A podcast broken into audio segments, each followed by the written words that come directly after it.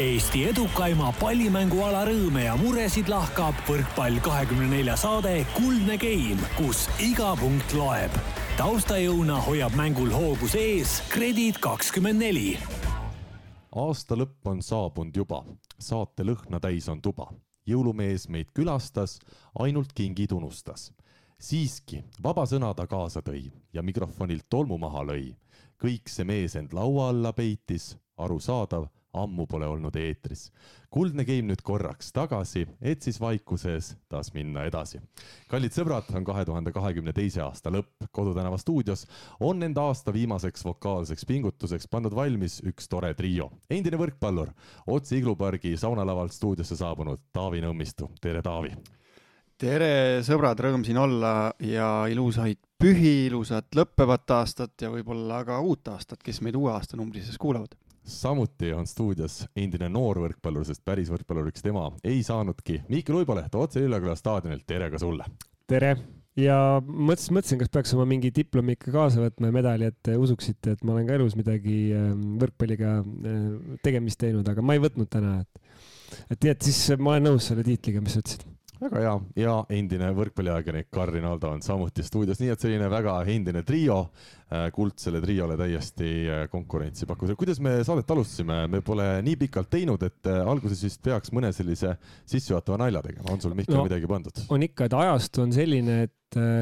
praegu ongi retro väga moes, nagu sa ütlesid, endised, et siis klopitakse üles need vanad äh, vanad ansamblid ja tuuakse siis välja, et noh, nii ka meil, et sihuke kolmene boybänd on, on, on välja toodud. ja kui rääkida sellest võrkpalliaastast, mida me hakkame kohe tegema, siis eh, on, on väga mitmeid olulisi asju, mis topist välja jäid meie, meie valikust ja üks kindlasti on see, et Karli mitte siis Karli Alliku, vaid Karri Naldo, tänase või tänavuse aasta kõige olulisem tegu. Äh, kui tavaliselt on selleks olnud Eesti rannavõrkpalli meistrivõistlustel poolfinaali jõudmine, siis sel aastal oli see, et Karl ainuisikuliselt lõpetas Leedu võrkpalli ehk siis ta tõi äh, Leedu võrkpalli Äh, ainsa töötaja ja võrkpalliliidu, Leedu Võrkpalliliidu ainsa töötaja. seal oli kaks töötajat. kaks töötajat, nüüd okay. on üks jäänud alles. nüüd on äh, siis pool, äh, aga ma saan aru, ta tegi rohkem kui pool, pool seda tööd, mis oli seal, ühesõnaga tõi pool Leedu võrkpallist endale kaaperdas, et see on nagu see, et noh, et kui, ähm, kui ikkagi kuningapoeg läheb vallutusretkele, et siis ta tuleb tagasi sealt siukse poole kuningriigiga, et siis ta tõi nagu endale koju ühe, ühe Äh, tore, toreda naisterahva Leedust sellega koos ka põhimõtteliselt äh, lõpetas Leedu võrkpalli eksisteerimise. aga head sõbrad äh,, ei ole mina ainus äh, tubli kuningas olnud siin kuningriigis, sest äh, Mihkel äh, suvel lõpuks ometi oli tal aega saatest puhata ja tal oli lõpuks aega võtta naine, nii et üks uiboleht on jälle maailmas juures peab paika ja ka jällegi, see on ka Karliga väga konkreetselt seotud, et Karl oma selle suve parima esituse ei teinud mitte Tartus, kus ma teda vaatamas käisin rannavõrkpalliliival või Haveni Kakumäe väljakutel, kus ma ka teda vaatamas käisin, kus ta mõlemas suhteliselt kindlalt sirgeselgselt kaotas, vaid kuuendal augustil minu pulmas pulmaisana ja ma tahtsin öelda, et sinu pulmas oligi üks hea asi, see oli pulmaisa. Taavi, me rääkisime siin äh,, Mihkel rääkis sellest Tartus äh, toimunud mängust, mida ta käis Raekoja platsil vaatamas, peaväljakul oli minu kahjuks siis üks alagrupi mäng sattunud sinna peaväljakule, õnneks vihma sadas. nii et peale Mihkli suurt kedagi seal vaatamas ei olnud. me mängisime siis mina ja Kaarel Kais, legendaarne Kaarel Kais, mängisime alagrupi turniiril Dmitri Korotkovi ja Jaan Rebeli vastu. kas sa kujutad ette, kuidas esimene game lõppes? mis sina arvad, kuidas, kuidas seda, mida Mihkel tuli vaatama mm,? nii, no seal on kaks varianti, noh. seal on kaks varianti ei, seal on ainult üks variant. kahjuks ainult üks variant, jah. kas õnnetu või väga õnnetu sinu poolt vaadata no et, äh, oleneb jälle, see on, kuidas nüüd vaataja silmist mm. -hmm. Äh, ilmselt on siis küsimus, et kui, kui suur see skoor oli või? jah, kui väike see skoor oli. väike? kas mingi rekordihõnguline äkki isegi või? no loodan, et mitte, loodan, et mitte nii hull, et nulli peale ei jäänud, aga mm, -hmm. aga mõni punkt üle nulli jah, mul oli eriti huvitav oli Kaarel Kais, neljakümne kaheksa aastane Eesti võrkpallilegend on kõrval ja ja no ei jää mul need pallid maha ja no kaugel sellest vahepeal ei saa servi kättegi. ja, ja vaatad siis kardad ja vabandad selle ette taas, kui on time out, ütlen, et no proovime ikka uuesti. teine game läks natuke paremini. jaa, teises skeemis said nad mõned punktid ka, esimeses skeemis sisuliselt noh. kuus, seitse, midagi sellist. midagi sinna kanti. teine oli jah no vot, selline tore, me oleme saanud nüüd minu personaalteemal alustada seda saadet, ma usun, see on kõigile kuulajatele kindlasti väga oluline ja, ja ta on just sellepärast meid täna kuulama asunud, mitte sugugi sellepärast, et võtta Eesti võrkpall aastal kaks tuhat kakskümmend kaks kokku. aga Taavi, ma hakkasin mõtlema, et kui sa sealt Iglupargist tulid, meil on praegu energiakriis kas saunas on ka, et kui vanasti oli selline seitsekümmend, kaheksakümmend kraadi, kliendid tulid, nüüd on selline toa, toasoe kakskümmend, et tulevadki võib-olla inimesed, kes enam kodus no lihtsalt ei jõua selle elektri eest või, või energia eest maksta, tulevadki teile iglusauna, vaatavad, milline oli elu siis, kui oli veel kakskümmend kraadi ja selline mõnus toasoe, et said võtta isegi pusa ära seljast. Ei, vaata, me elame ka kohanemise ajal, et praegu tuleb kohaneda kiiremini kui kunagi varem, et kui enne lihtsalt köeti see kliendile saun enne soojaks, nüüd tuleb ise oma puudega tulla, et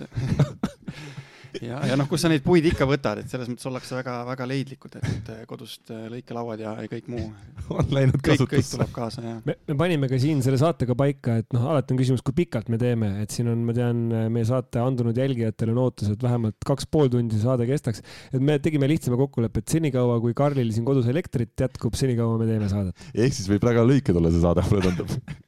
mul on soojendav küsimus ka Mihklile, ma usun, et siin on nüüd ühesõnaline vastus sult tulemas. Eesti Jalgpalliliidul loomulikult läheb, läheb ju väga-väga hästi jätkuvalt. saame selle kinnituse kätte? muidugi. selge. See, seda on rõõm kuulda. kahju, mul on vahel kahju, et me ei ole jalgpallisaade, et meil, äh, ma arvan, et äh, oleks ka seal nii mõndagi arutada. vaata aga..., sellega ma lihtsalt ütlen, et on äh, spordialad jagunevad kaheks on ühed spordialad, millest räägitakse sõltumata sellest, kas neil läheb hästi või halvasti, sest nad lähevad nii palju korda ja neid kritiseeritakse kirglikult ja ka kiidetakse kirglikult, kui selleks põhjust on. ja siis on teised spordialad, keda siis räägitakse ainult siis, kui neil väga hästi läheb, sellepärast et noh, siis kui neil läheb halvasti, siis see ei noh, ei huvita kedagi. et siin on, tasub mõelda, kuhu mõni spordiala kuulub väga kena, mina ütleks küll eh, tänud kõigile kuulajatele, kes on eh, viimasel ajal eriti eh, võtnud ühendust nii minuga, ma saan aru, Mihkliga päris palju, et. jaa, vägagi ja, ja päris selline viimane tõuge aastalõpu saateks, meil oli Mihkliga küll see mingil hetkel endal mõtteis, aga kuidagi ei ole jooksnud kõik asjad nii alati, et, et need mõtted teostuksid, aga, aga kui Taavi eelmine nädal vist kirjutas, ütles, et kas ja millal oleks ikkagi tulemas, et kuskil võrkpalligrupis oli keegi nõudnud, siis ma ütlesin Taavile, et kui sina tuled punti ja paneme järgmiseks nädalaks aja kirja, siis teeme ära. Taavi ütles kohe, et saab tehtud, tema taha asi ei jää. nii et sedasi me täna siin kolmekesi oleme. rahva tungival nõudmisel oleme tagasi eetris jah, ja me oleme siis täna pannud kokku Eesti võrkpalli kahe tuhande kahekümne teise aasta kaksteist tähtsamat sündmust, need on väga erinevailmelised, nii et siin ei ole sugugi ainult sportlike saavutustega tegu, nii nagu ikka aastaid kokku võetakse, ma usun, siin midagi väga üllatavat inimestel ei ole. hakkame algusest, ma arvan, minema ja me tegelikult peame tegema sellise erandi, et me alustame mitte isegi kaheteistkümnest kohast, vaid kaksteist pool. meil on värsked sõnumid vahetult enne saate lindistuse algust tuli üllatus ja taas Pärnust. Pärnust on hakanud nüüd neid jõuluüllatusi tulema kõigepealt tuli Toni Nõu, Eesti kõigi aegade üks kiiremaid jooksjaid äh, Pärnu võistkonda ja nüüd tuli siis ka Hindrek Pulk tagasi. nii et Hindrek on tagasi, Hindrek on täna kolmekümne kahe aastane, ta on Balti liiga üks läbi aegade silmapaistvamaid mängijaid ja tema karjääri siis eelmise karjääri, kui nii võib öelda, viimasteks mängudeks jäid Saaremaa võrkpalliklubiga samad viimased mängud kahe tuhande kahekümne esimese aasta kevadel, kui ta Janis Kalmasiidise võistkonna kahe hõbemedalini vedas nii Balti liigas kui Eesti meistrivõistlustel. nii et Hindrek kas nüüd Pärnu hakkab, hakkab eriti tõusma ja, ja võib isegi pakkuda konkurentsi siin Eesti meistritiitlile või Indreku liitumine nii palju ei otsusta? äkki veel päris sinna tiitli pretendendiks ei pane, aga igal juhul näitab see, kui, kui palju võib tegelikult ühest mehest see liiga pilt äh, oleneda, et kindlasti ta Pärnus seda pilti muudab, võistkonnale enesekindlust, kogemust mis iganes vormis ta hetkel on, ma arvan, et see ei olegi nii oluline kui see, et neil on treeningul selline kvaliteetne mees juures. ja, ja tegelikult mingid sellised ähvardused, kõlakad ju käisid tükk aega, et Hindrek äh, TalTechist oli juttu justkui vahepeal, mina ka kuulsin. et ta, ta ennast vormis on hoidnud ja, ja igasugused tervisemured on hakanud natukene taanduma. eks näha ole, kui, kui nüüd veel kõvemini trenni teha, et kas need tulevad tagasi või ei tule. aga super äh, täiendus igal juhul, et praegusel ajal, kui me otsime neid mängijaid tagamööda siin Eestit, siis äh, väga hea, et üks selline mitte väga vana mees veel oma parimates aastates tegelikult, kes võib väga hästi siin Eestis mängida, leidis tee tagasi. Reio Tilk siis, Pärnu meeskonna mänedžer, tegin talle kõne ka vahetult enne saate algust, ütles, et mees pidi olema heas vormis, aga ütles ka seda, et ta ikkagi elab, ma saan aru, Tallinnas ja ta hakkab käima ainult mängudel nädalavahetuseti ja võib-olla siis mõnes üksikus trennis enne, enne mänge, et ei ole päris selline liituja, kes igapäevaselt trennis oleks. nii et huvitav igal juhul. asi seegi asi seegi ja tore Indrekut tagasi näha, tema see kuidagi äraminek oli ka selline kurb võib-olla, et äh, ta mängis ju veel aasta enne seda Saaremaa viimast hooaega, mängis ju Prantsusmaal, lõpuks ometi läks välismaale, tundus, et nüüd hakkab võib-olla midagi ilusat tulema ja siis viimane aasta Saaremaal oli tegelikult, tegi ka korraliku hooaja ja äkitselt oli, oli karjäär läbi, nii et Indrekule soovime küll palju edu ja jõudu. jah, ja nii nagu me siin alustasime saadet, et retro on moes, et äh, teeme jälle vanad, vanad head äh, bändid koos oma lauludega taas, taas siis nii-öelda vuntsime üles ja taasesitame, et ma arvan, Indrek Pulk läheb sinnasamma kategooriasse, et ega, ega ta kehv ilmselt ei ole Pärnu võrkpalliklubi muidugi Balti liiga tabelis hetkel seitsme võistkonna konkurentsis seitsmendal kohal, kolme võidu, kümne kaotusega, nii et ronimist on päris palju. ja mäletan siin ka, kui Kaur-Erik Kaisi Pärnu võrkpalliklubi tõmbas oma võistkonda suvel, et ta ikkagi ranna, rannavõrkpalli mängima ei jääks, vaid tuleks veel aastaks saali, siis öeldi ka, et kindel koht põhikoosseisus olemas hooajaks ja nii nagu ikka noormängijatega tihti läheb, et hooaja keskel, hooaja keskel enam mõned reeglid sedasi nii hästi ei, ei, ei toimi, aga noh, samas tuleb ka Pärnu klubist igal juhul aru saada, et kui nad tahavad ikkagi kõrgemas konkurentsis olla ja, ja natukene seda hooaega paremuse poole muuta, siis kui on Hindrek Pulga-sugune mees olemas, siis tuleb see erand ilmselt teha. aga teine mees, Toni Nõu, täiesti uskumatu omavanuste maailmameistrivõistlustel täielikku paremikku kuulunud mees, no üks läbi aegade Eesti andekamaid kiirjooksjaid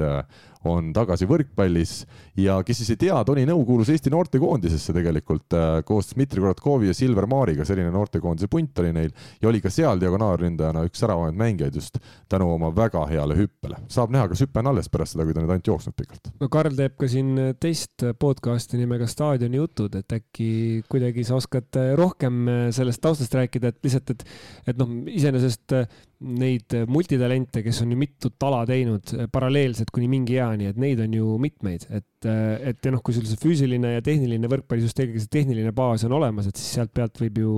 ju tulla ka aastaid hiljem tagasi. no see ongi küsimus minu jaoks, et mi, mis tasemeni välja, et äh, Reio Tilk ütles, et sel aastal nad kindlasti Toni Nõult veel midagi ei oota, neil on seal Kais olemas diagonaali kohal, nüüd on Pulk olemas, neil on noormees vist Kohtla nimeline olemas veel, et äh, tegelikult äh, Nõust vaadatakse kolm-neli kuud, mis tast saab ja siis järgmine aasta, et kui, kui see aasta hakkab juba trennis natukene ennast leidma, siis järgmine aasta võib-olla midagi rohkem oodata, aga Toni Nõu ka tegelikult ju sportlase mõttes ei ole mingi vanamees, kahekümne nelja aastane. lihtsalt nüüd küsimus ongi, et kui palju neid oskusi veel alles on ja, ja kui palju läheb aega, et need oskused tagasi saada ja noh, meesteklassini ta tegelikult ju välja ei jõudnudki, et kui tal meesteklass hakkas koitma, siis tuli, tuli vigastus ja, ja seetõttu ta enam äh, võrkpalliga tegeleda ei saanud ja läkski Audentases siis jooksu peale üle, aga aga võib küll öelda, et äh, olgugi, et ta nüüd jooksjakarjääri pidi lõpetama, ta ise ütles väga huvitavalt, et ta oli iiveldama hakanud kogu aeg, kui äh, nii trennides, võistlustel, et tal keha nagu kuidagi ei pidanud enam üldse sellele jooksukoormusele vastu, et ta ütles, et võrkpall on natukene selles suhtes pehmem ala, et ta annab, annab nagu tervisega ilmselt paremini mängida. minu jaoks just küsimus oligi seal, et äh, vigastus viis kunagi võrkpalli juurest jooksu peale ja nüüd siis samamoodi tagasi, et mis vigastus see nüüd hetkel oli, et mis jooksmist segab, aga võrkpalli justkui lubab mängida, et äh, üldiselt need hästi tohiks koos käia, aga kui tõesti mingi selline Äh, sisemine probleem on siis äh, väga tehtav just, saime, saime siis sellise mehe juurde Eesti võrkpallile, nii et ootame huviga Toni Nõud, kas sel aastal mängida saab mõnes mängus, no loodame, et äkki juba saab, aga jah, tundub küll, et pigem on, pigem on see selline vaatamise projekt ja, ja kui kõik peaks minema hästi, siis järgmise aasta projekt. aga head sõbrad, meil on aeg minna siis meie top kaheteistkümne, kaheteistkümnenda koha juurde ja kaheteistkümnendalt kohalt tõtt-rõtt-tõõ me leiame midagi sellist nagu Robert Täht esimese eestlasena Brasiiliasse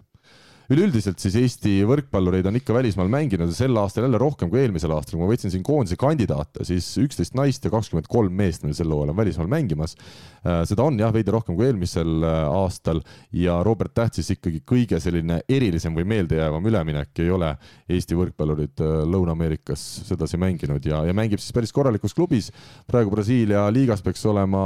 San Jose Farmaconde võistkond siis kolmandal kohal ja Robbie ka päris hästi on mänginud, kuigi ma saan aru, et natukene ikkagi tervis jätkuvalt jupsib ja, ja on ka mingid jutud, ma olen kuulnud erinevatest kohtadest selle kohta, et, et võib-olla on ta tulemas Euroopasse hooaja keskel tagasi. Taavi, on sul midagi täpsemat rohkem rääkida? no mina võib-olla kõiki plaane ei tea, aga selles mõttes äh, üleüldiselt üleminekust, miks ta eriline on, on see, et esiteks sinna liigasse võetakse vähe välismaalasi, kaks tükki võistkonna kohta, üldiselt on nad seal kuubakad või, või midagi sellist, ehk siis Robbie sai päris huvitavasse keskkonda, mida väga tihti proovida ei saa. kindlasti oli, oli hea aeg tal see vastu võtta, kliima võiks olla sobiv just vigastusi silmas pidades, et äh, natuke tervem hooaeg teha tõsi, mingid põlvejaamad tal seal olid, aga, aga minu viimane info on vähemalt see, et praegu ta seal ikkagi jätkab, neil on paus, ta praegu ravib ennast, neil järgmine mäng on alles uue aasta kuskil jaanuari alguses, et et saab oma pausi ja, ja vähemalt praeguse plaaniga paneb seal ikkagi hooga edasi ja, ja klubil ju iseenesest läheb hästi, ma arvan, et see klubi ei taha teda väga lihtsalt sealt äh, ära lasta, et nii nagu ikka võetakse mees, mehest viimane välja. nii et pigem praegu tundub, et ta võiks hooaja lõpuni jääda sinna? jaa, ma usun küll, et võistkond peaks olema praegu kolmandal kohal ja, ja kõik, kõik justkui sujub, et äh, et praegu on nii. kas me oskame öelda, mis on Brasiilia liiga tase võrreldes Euroopa tippudega? hästi ei oska, päris raske on, aga ta on ikkagi kõva liiga, et Brasiilia ju koondis superkõva, ei äh, tasu arvata, et seal liigas kuidagi kehvad mehed on, et äh, kaks välismaalast äh, võistkonnas juures, ma arvan, et on täpselt niisugune paras, et, äh, et seda taset seal veel tõsta, aga Euroopaga võrrelda mm, noh, Itaalia ta ei ole, Venemaast enam ei saa ka hästi aru, mis seal toimub. Mm,. ma tahaks öelda, et ta Türgist on äkki sama või kõvem. Mm, et, äh, et midagi sinnakanti, võib-olla on seal need käärid suured, et lõpuvõistkonnad võivad olla Brasiilias mm -hmm. päris, päris nõrgad aga, aga see tipp on ikkagi väga kõva. nojah, ta on eelkõige nagu märgiline tähenduses Brasiilia võrkpall ja, ja kõik, kõik see, aga, aga noh, kogu see teema laiemalt, et, et minu meelest on küll väga hästi sellega, et meil on nii palju mehi ja naisi, ka naisi välisliigades ja ka klubides, kus nad mängivad, et võib-olla mõne üksiku erandiga on tegemist ikkagi noh, väga korralike klubidega, kust pealt tulla koondistesse, nii meeste kui naiste koondisesse on noh, ütleme ikkagi arvestatav ja, ja noh, selle, selle üle on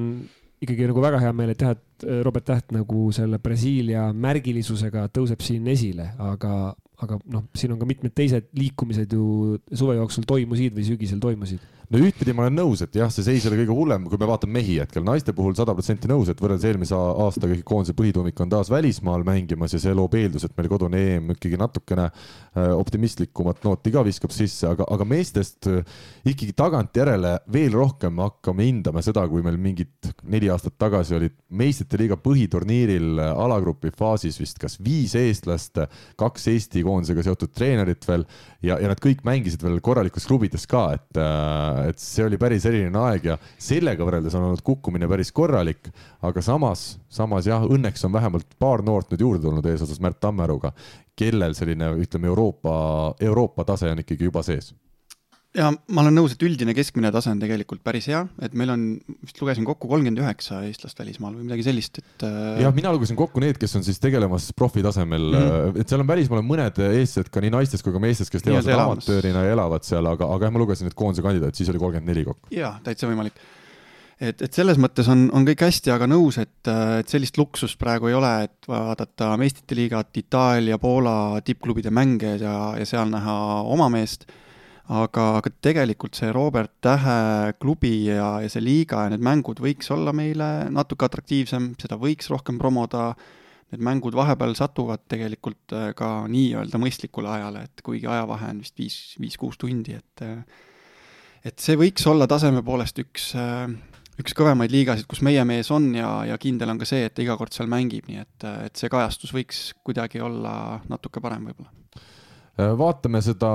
võrkpalli EM-i ka, järgmine aasta on siis äh, meestel samamoodi ju Euroopa meistrivõistlused toimunud, Eesti läbis siin suvel väga kõva kadalipu valikturniiril ja pääses siis ka finaalturniirile. kakskümmend neli võistkonda peaks siis taas äh, finaalturniiril osalema ja meie alagrupi kaaslased Itaalia, Serbia, Saksamaa, Belgia ja Šveits. Ja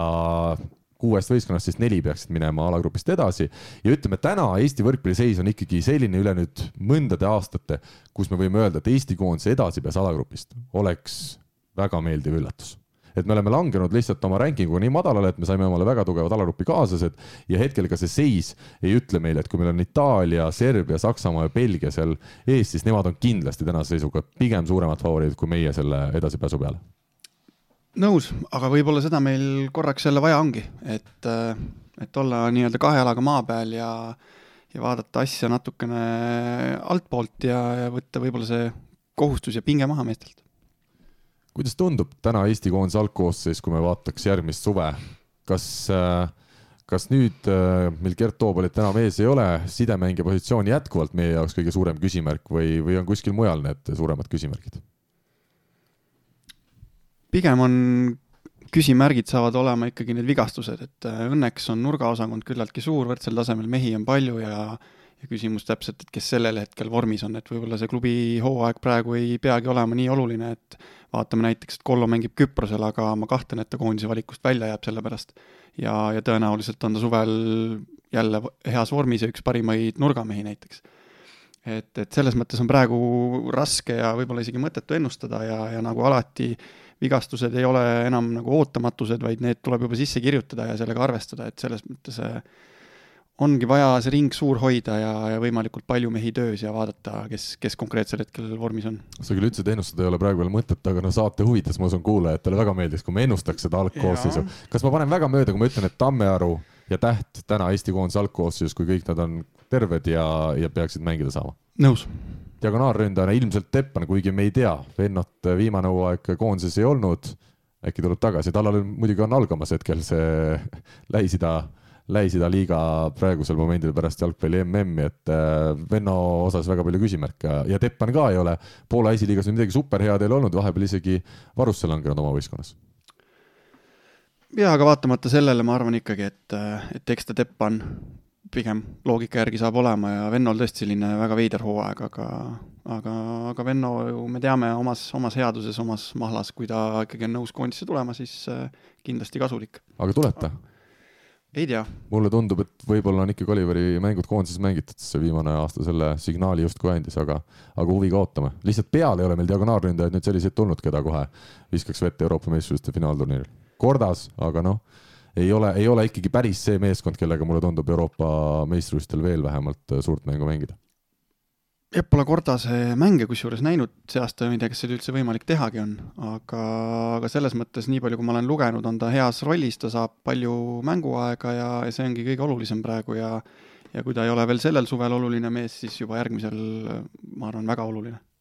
võtame temporündaja positsiooni, mis on eriti huvitav minu arust hetkel. meil on Timo Tammemaa jäänud Poolas nüüd ikkagi varumängijaks üsna selgelt. ei teagi, tundub, et mängijal ju või mehel karjääri paremad aastad peaksid justkui käsil olema, aga, aga see hooaeg kohe mitte ei ole sujunud. Ardo Kreegil Prantsusmaal ka ei midagi erilist see hooaeg seni ja Andrei Aganits, meie kolmas nendest suurtest temporündajast tagasi Eestis ja, ja hetkel ka välismaal ei ole liikumas, vähemalt mina ei, ei tea, et üleminekut kuskilt oleks kuulda olnud, see muidugi võib tulla alati väga äkitselt, nii et vaata, et hoopis Henri Treial mängimas kõige kõrgemal tasemel nendest, kes ka kogu aeg väljakul on.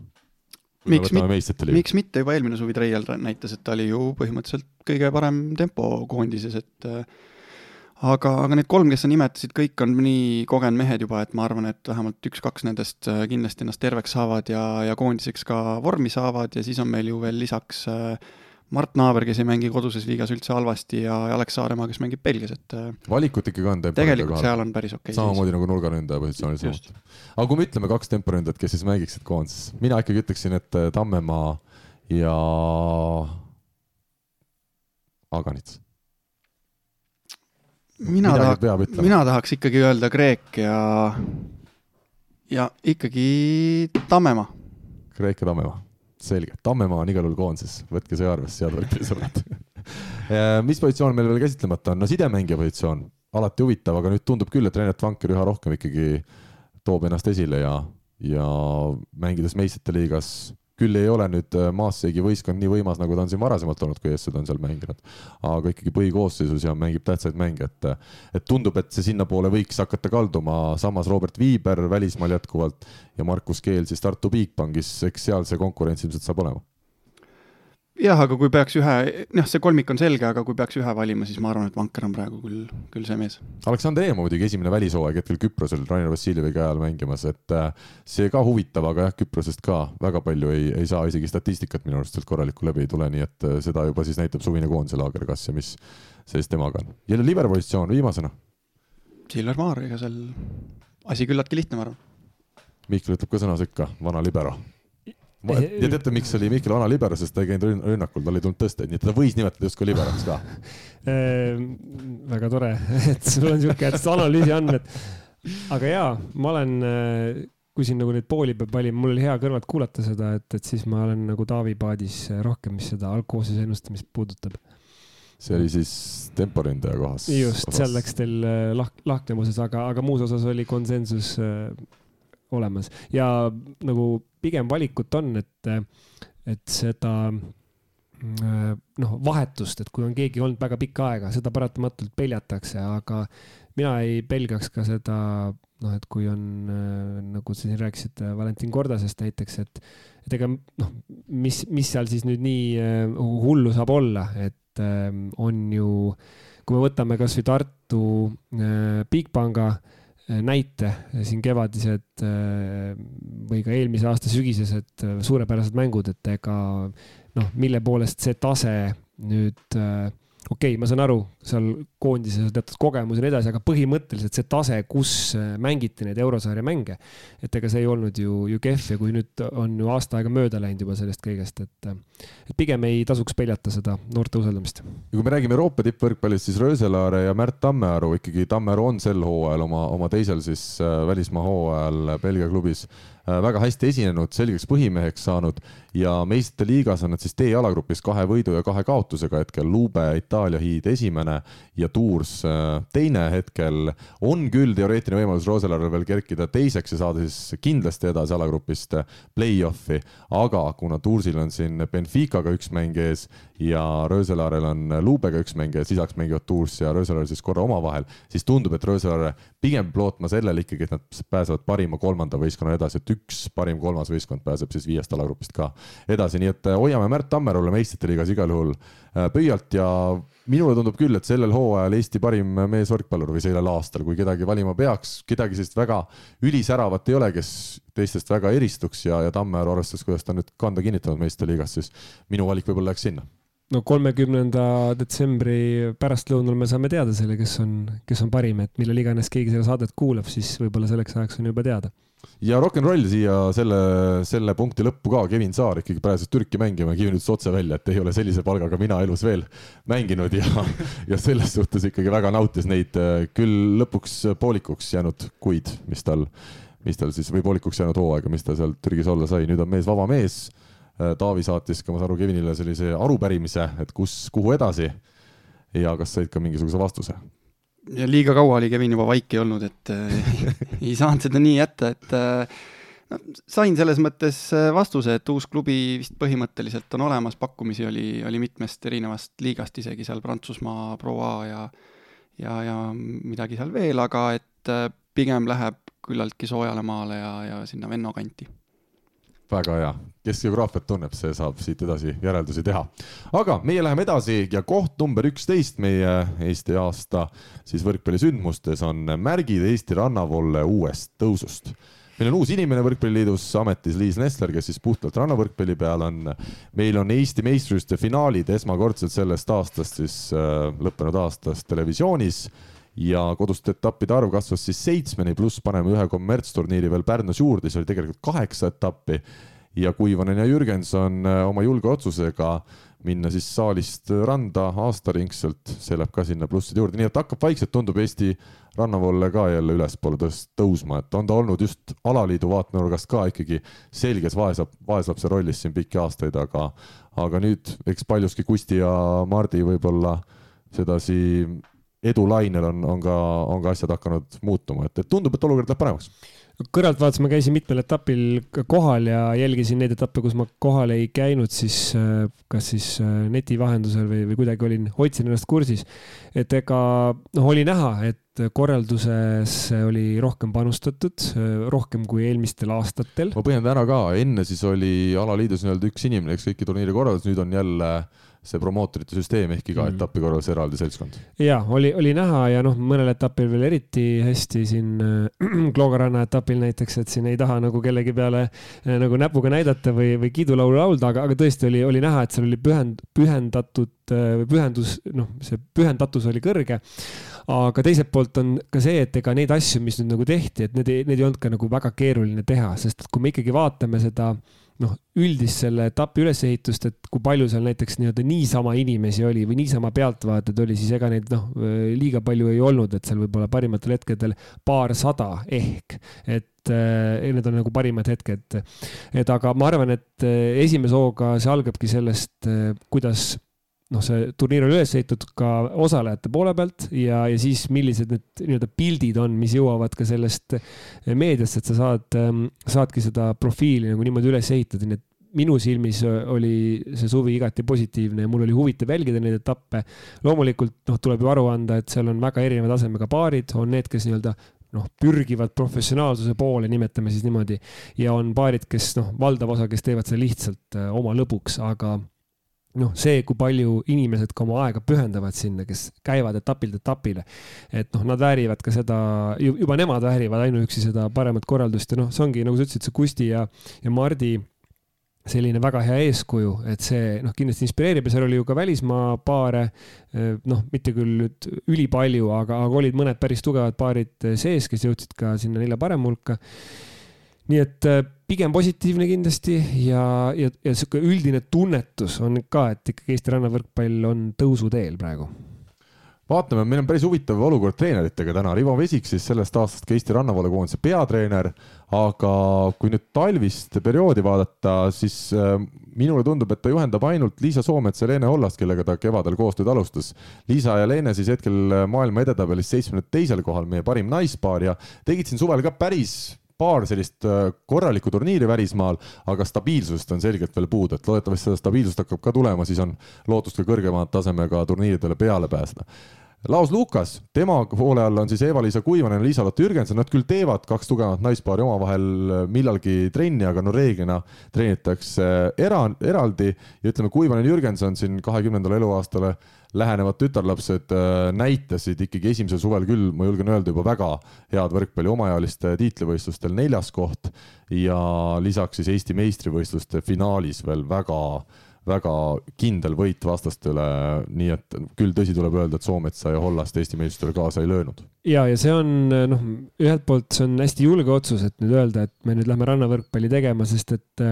Äh, jällegi Kusti ja, ja Mardi eeskuju, noh, meenutame, millal nemad alustasid selle nii-öelda, ma nimetaks oma jonni ajamist kõige paremas mõttes, et võtsid selle tee ja on noh, ehitanud samm-sammult seda, seda kõike üles, et see on üks Kolgata tee, see on üks väga keeruline ettevõtmine, kus ma arvan, neid hetki, kus neil, neil hakkab tunduma, et, et kas seda on nagu äh, Äh, vaja ja, ja, ja kellele seda vaja on, et neid hetki kindlasti tuleb, aga, aga noh, ja seda kindlasti ei tasu teha siis, kui see nii-öelda valin rannavõrkpalli on lihtsalt mingisugune lahe nagu äh, hüüdlause või, või selline, et oh, ma nüüd tahan natuke teistmoodi midagi teha, et siin peab olema väga konkreetselt seda, seda kannatust ja, ja, ja pikka, pikka, pikka kannatust, aga äh, mis võib-olla noh, rannavõrkpalli puhul on ka oluline, et ta on no ikkagi olümpiaala, mis tähendab seda, et tal on eraldi loogikat ka selleks, et teda toetatakse, on see siis ka olümpiakomitee poolt või noh, minu poolest kasvõi, kasvõi siis äh,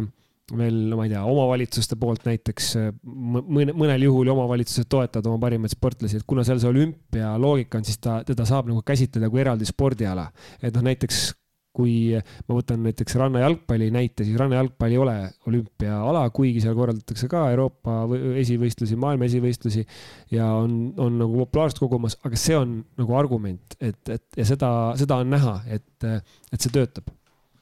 no ja kolmas treener siis Indrek Verro, kellest võib-olla Rivo Vesiku taustal on äh, teenimatult vähe juttu olnud, et tema on ju olnud sisuliselt algusest peale, kaks tuhat viisteist Kusti ja Mart alustasid seda rannavalle teekonda, et äh, sealt väga algusaegadest igatahes saati on Verro olnud nende meestega koos ja ja, ja kindlasti tema siis kolmas selline treener, keda siin rannavõrkpallis just täiskasvanute poolel tasub välja tuua. aga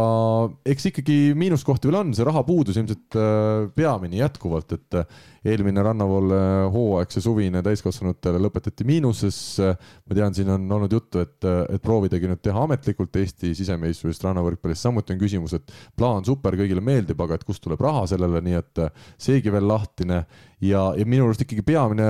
küsimus on meil täna see, et millal meil hakkab süsteemne töö rannavõrkpallis noortega pihta, et hetkel noorteklubisid ei ole ja, ja suurim vahe Läti ja Leeduga seisnebki meil selles, et seal on ikkagi noortegrupid juba korralikult käima pandud ja, ja aastat viis juba see töö käib. kas Audentes ei ole nüüd mitte eraldi ka rannavõrkpalluritel kohad? paar üksikut kohta on ja see on mm -hmm. väga äge, et see on tekkinud ja Laos Lukas vist peamiselt nendega seal tegeleb mm. -hmm. aga jällegi, see on, eks on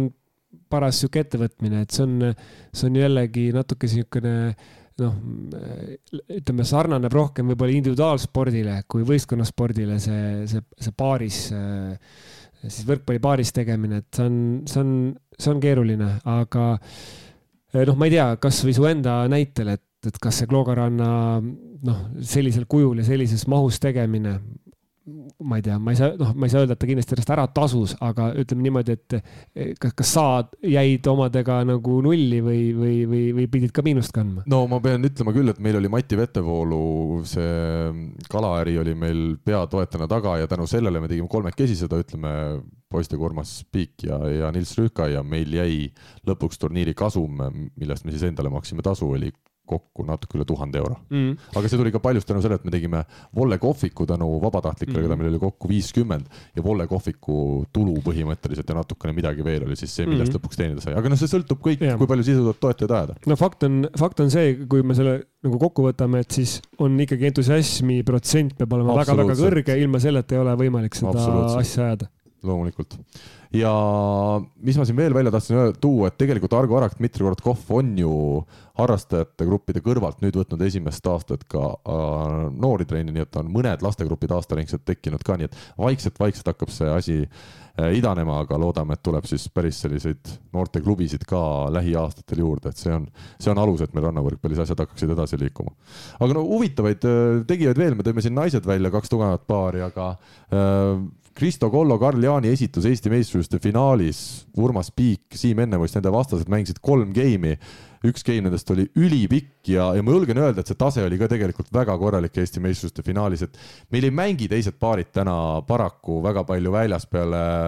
Nõlvak Tiisaar, aga ma julgen öelda, et kui Karl Jaani, Kristo Kollo, kes on ju mõlemad ka rannavõrkpalli päris kõrgel tasemel varasemalt mänginud, koos tegeleksid ainult rannavõrkpalliga näiteks ja Urmas Piik, Siim Ennemuist võtaks selle sammu ja ma tean, et see samm on neil hetkel mõttes, et vähemalt ühel MK-etapil nüüd järgmisel suvel käia, kui, kui sinna peale pääseb. et siis tegelikult Eesti võrkpallureid maailma esisajas võiks olla täna kolm-neli paari, ma ütleksin nii, Kauri Rikais, Asus Meius samuti. Veel viimast aastat, ma arvan, et viimast aastat saalis mängivad mehed, et tegelikult see seis ei ole nii hull, kui ta võib-olla tundub, et, et saalist on tulnud randa päris palju mängijaid. Ja vaadates siin just seda, kuidas Kais Meius naudivad seda rannavõrkpalli, kuidas Siim Ennemuist, kes on saalivõrkpallis olnud Eesti koondises, olnud üks paremaid blokeerijaid liigas ja nüüd lõpetas karjääri ära, tundus, et põlvevigastus mängida enam ei lase. äkitselt sai aru, et rannaliival laseb mängida küll ja kuidas tema teeb trenni ja millise motivatsiooniga. et tegelikult on väga äge näha seda rannavollet sees ja no ma pean iga kord ära mainima kaks meest, Kaarel Kais ja Argo Arak, no need vennad võib küll öelda, et Eesti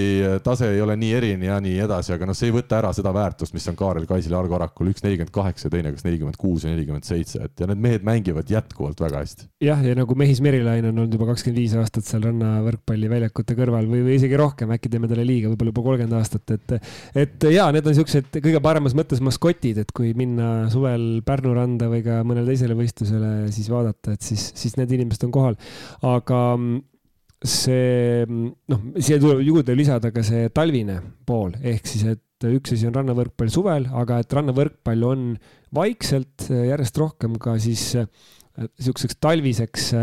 tegevuseks kujunenud. tõsi, kui talvel on jalgpalli mm, siis mõnikord vallutatakse see Ülemiste rannavõrkpallikeskus hoopis nende poolt, kes tahavad suurelt ekraanilt jalka MM-i vaadata, aga, aga seda on üks kord võib-olla aastakümnete jooksul, nii et ei, üldiselt ma olen küll pigem nagu positiivselt meelestatud ja mul on tunne, et see nagu ka harrastusena, et kui me nüüd unustame ära need nagu tipud, millega on nagu noh, noh, ma ei ütle, et on nagu überhästi, et meil on tohutu järjekord äh, nagu taga, aga meil on pigem nagu tõusvas joones ja, ja see, see on pigem positiivne, aga et ka äh, sihukese harrastustasemel, et inimesi, kes tahavad niisama minna toksima natukene ja aega veetma, et minu meelest neid on vähemalt, ma tunnen, et neid on nagu pigem rohkem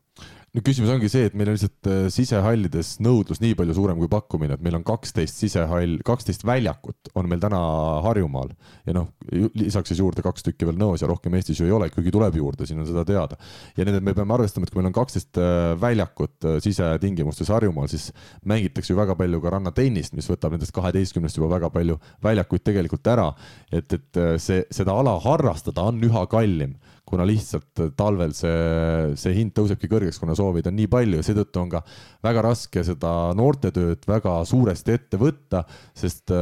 sest ütleme, Ülemiste Beach House'is täna näiteks ja samamoodi Teras Beach'il on seal kaheksakümne, üheksakümne euro juures pooleteisttunnine aeg. ja kui sa, nagu sa mainisid ka, et rannavool on ju rohkem selline individuaalne ala kui saalivõrkpall, ehk sa ei saa sinna ka lapsi lasta peale kakskümmend tükki trenni, vaid sul ongi sihuke kuus või kaheksa on optimaalne arv, et ta, ta on kallis ala ja, ja minu jaoks ka väga suur suur küsimus, et kuidas saaks need noored sinna integreerida sisse, et meil hakkaks rannavõrkpalliga noortes olema. aga me võiks rannavõrkpallist rääkida igavesti. Läheme edasi, võtame kümnenda koha.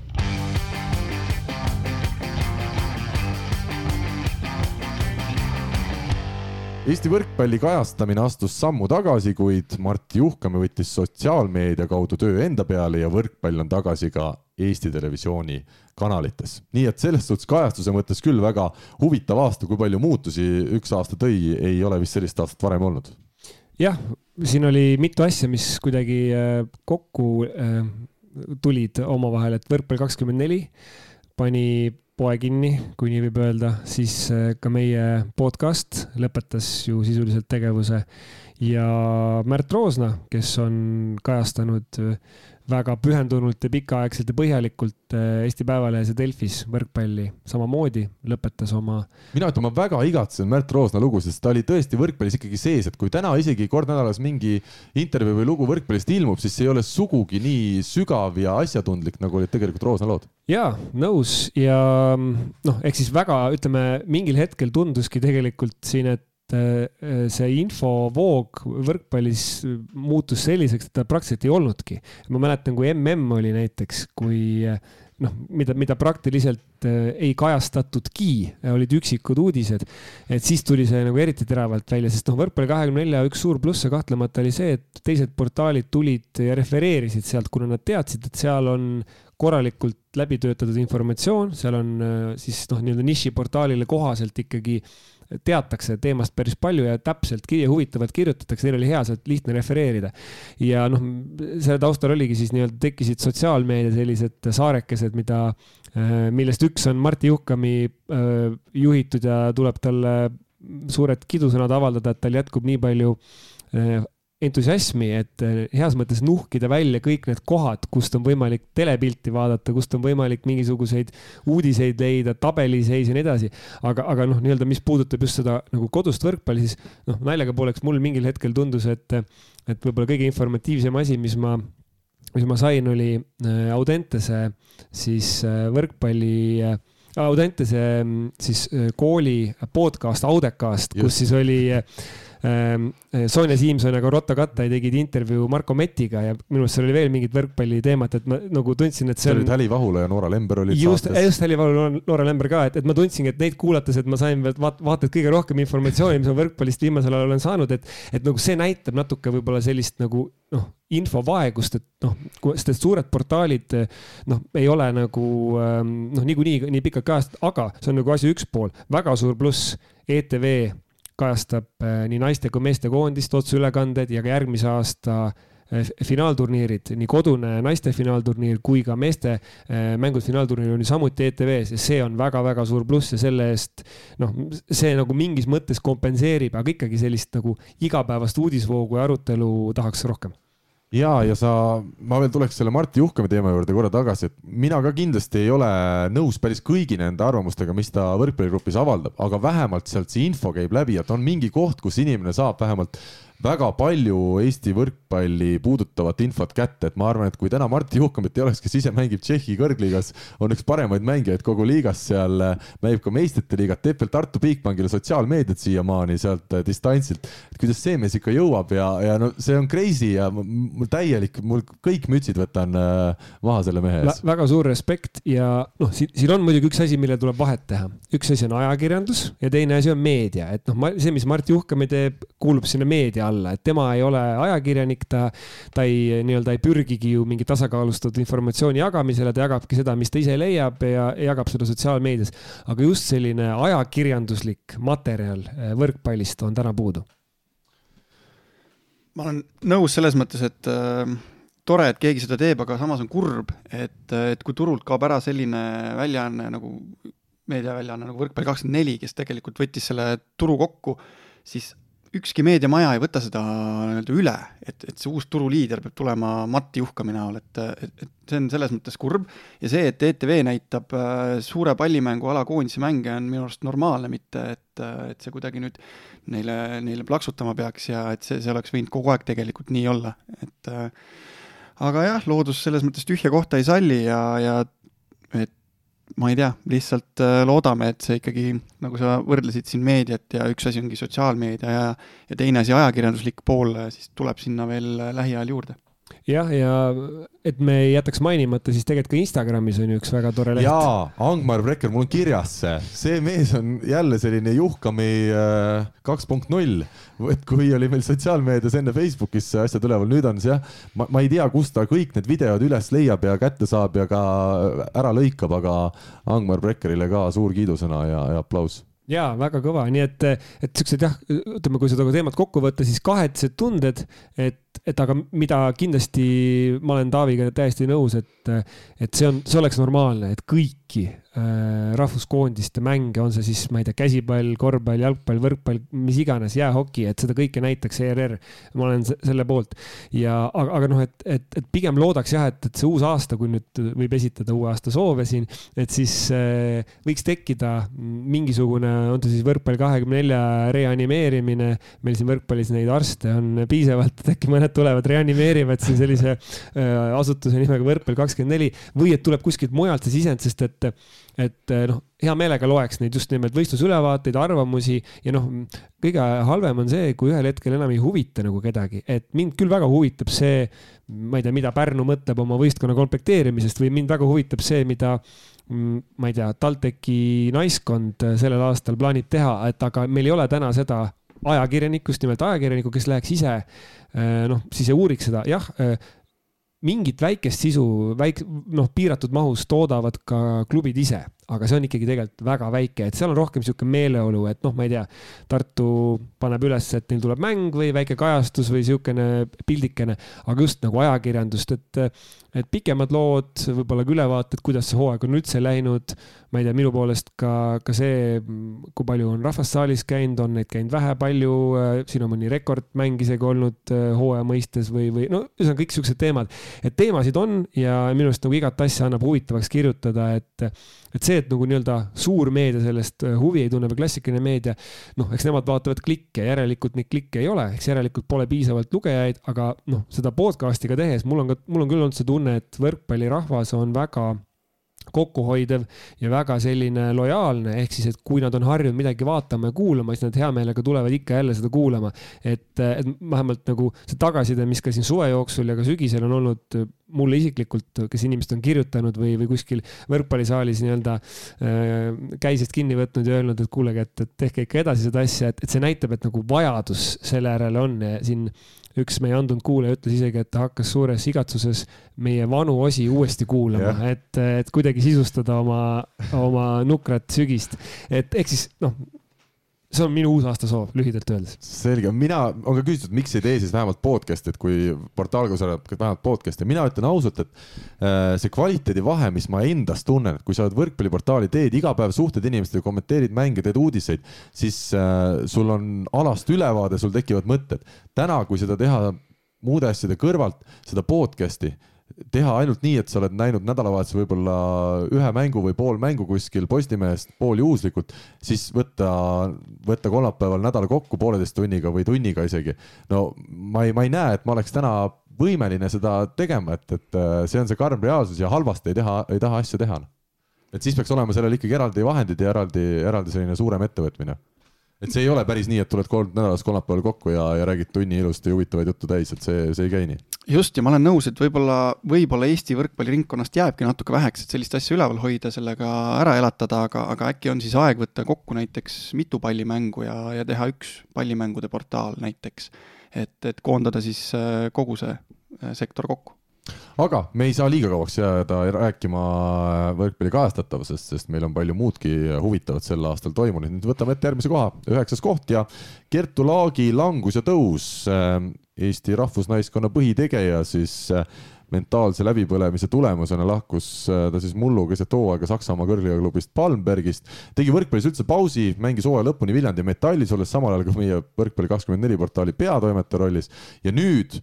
võib öelda küll õnneliku lõpuna on ta kenasti tagasi tippvõrkpallis, sai korraliku pakkumise Prantsusmaalt äh, ja on Cannes'i võistkonna põhitegija ja Cannes siis hetkel tabelis Prantsusmaal kuuendal kohal, nii et võib öelda, Kertul küll on asjad läinud selgelt paremaks ja selle üle on siiras heameel jah, siia võiks isegi nagu punkti panna, rohkem midagi edasi ei peakski ütlema, aga siiski äh, minu võib-olla selle, nende podcast'ide, mis me siin salvestanud oleme, neid on olnud, ma ei tea, paarkümmend vähemalt, siis võib-olla kõige eredam mälestus ongi see, kui Kertu tuli meile siia külla ja rääkis oma, oma loo täiesti selliselt eh, noh, siiralt, avatult ja oli nõus ka eh, meie selliseid eh, poolurgitsevaid küsimusi taluma, et ja ma arvan, et see lugu tegelikult andis, ma vähemalt loodan, et andis paljudele spordi jälgijatel, mitte ainult võrkpalli jälgijatele nagu aru saama sellest, et millega üks profisportlane peab tegelema ja kuivõrd noh, oluline on tun-, tunnetada need kohad ära ja ka tunnistada neid ja siis ka noh, teha paus, äh, saada abi mingit pidi, rääkida oma mõtted selgeks ja vahetada käiku ja minna siis äh, edasi. et see oli hästi põnev periood ja ma mäletan, kui oli üks vist esimesi mänge, mida Kertu Viljandi eest mängis, mida mul õnnestus ka vaadata, et siis, eh, siis, siis noh, see oli nagu üks Kertu, aga see Kertu, kes siis eh, Eesti koondisega suvel mängis, see oli juba hoopis teine Kertu ja see Kertu, keda ma olen nüüd näinud eh, siin interneti vahendusel Cannes'i eest mängimas, see on juba hoopis kolmas Kertu. et, et seda nagu äh, sellist rõõ, rõõmu ja et see, see tõesti nagu kiirgab välja, et, et tal läheb hästi praegu ja väga hästi ja, ja tal on ilmselt äh, eesmärgid paigas ja ma loodan ja eeldan, et üks eesmärk on ka EM-finaalturniir kodus, nii et äh,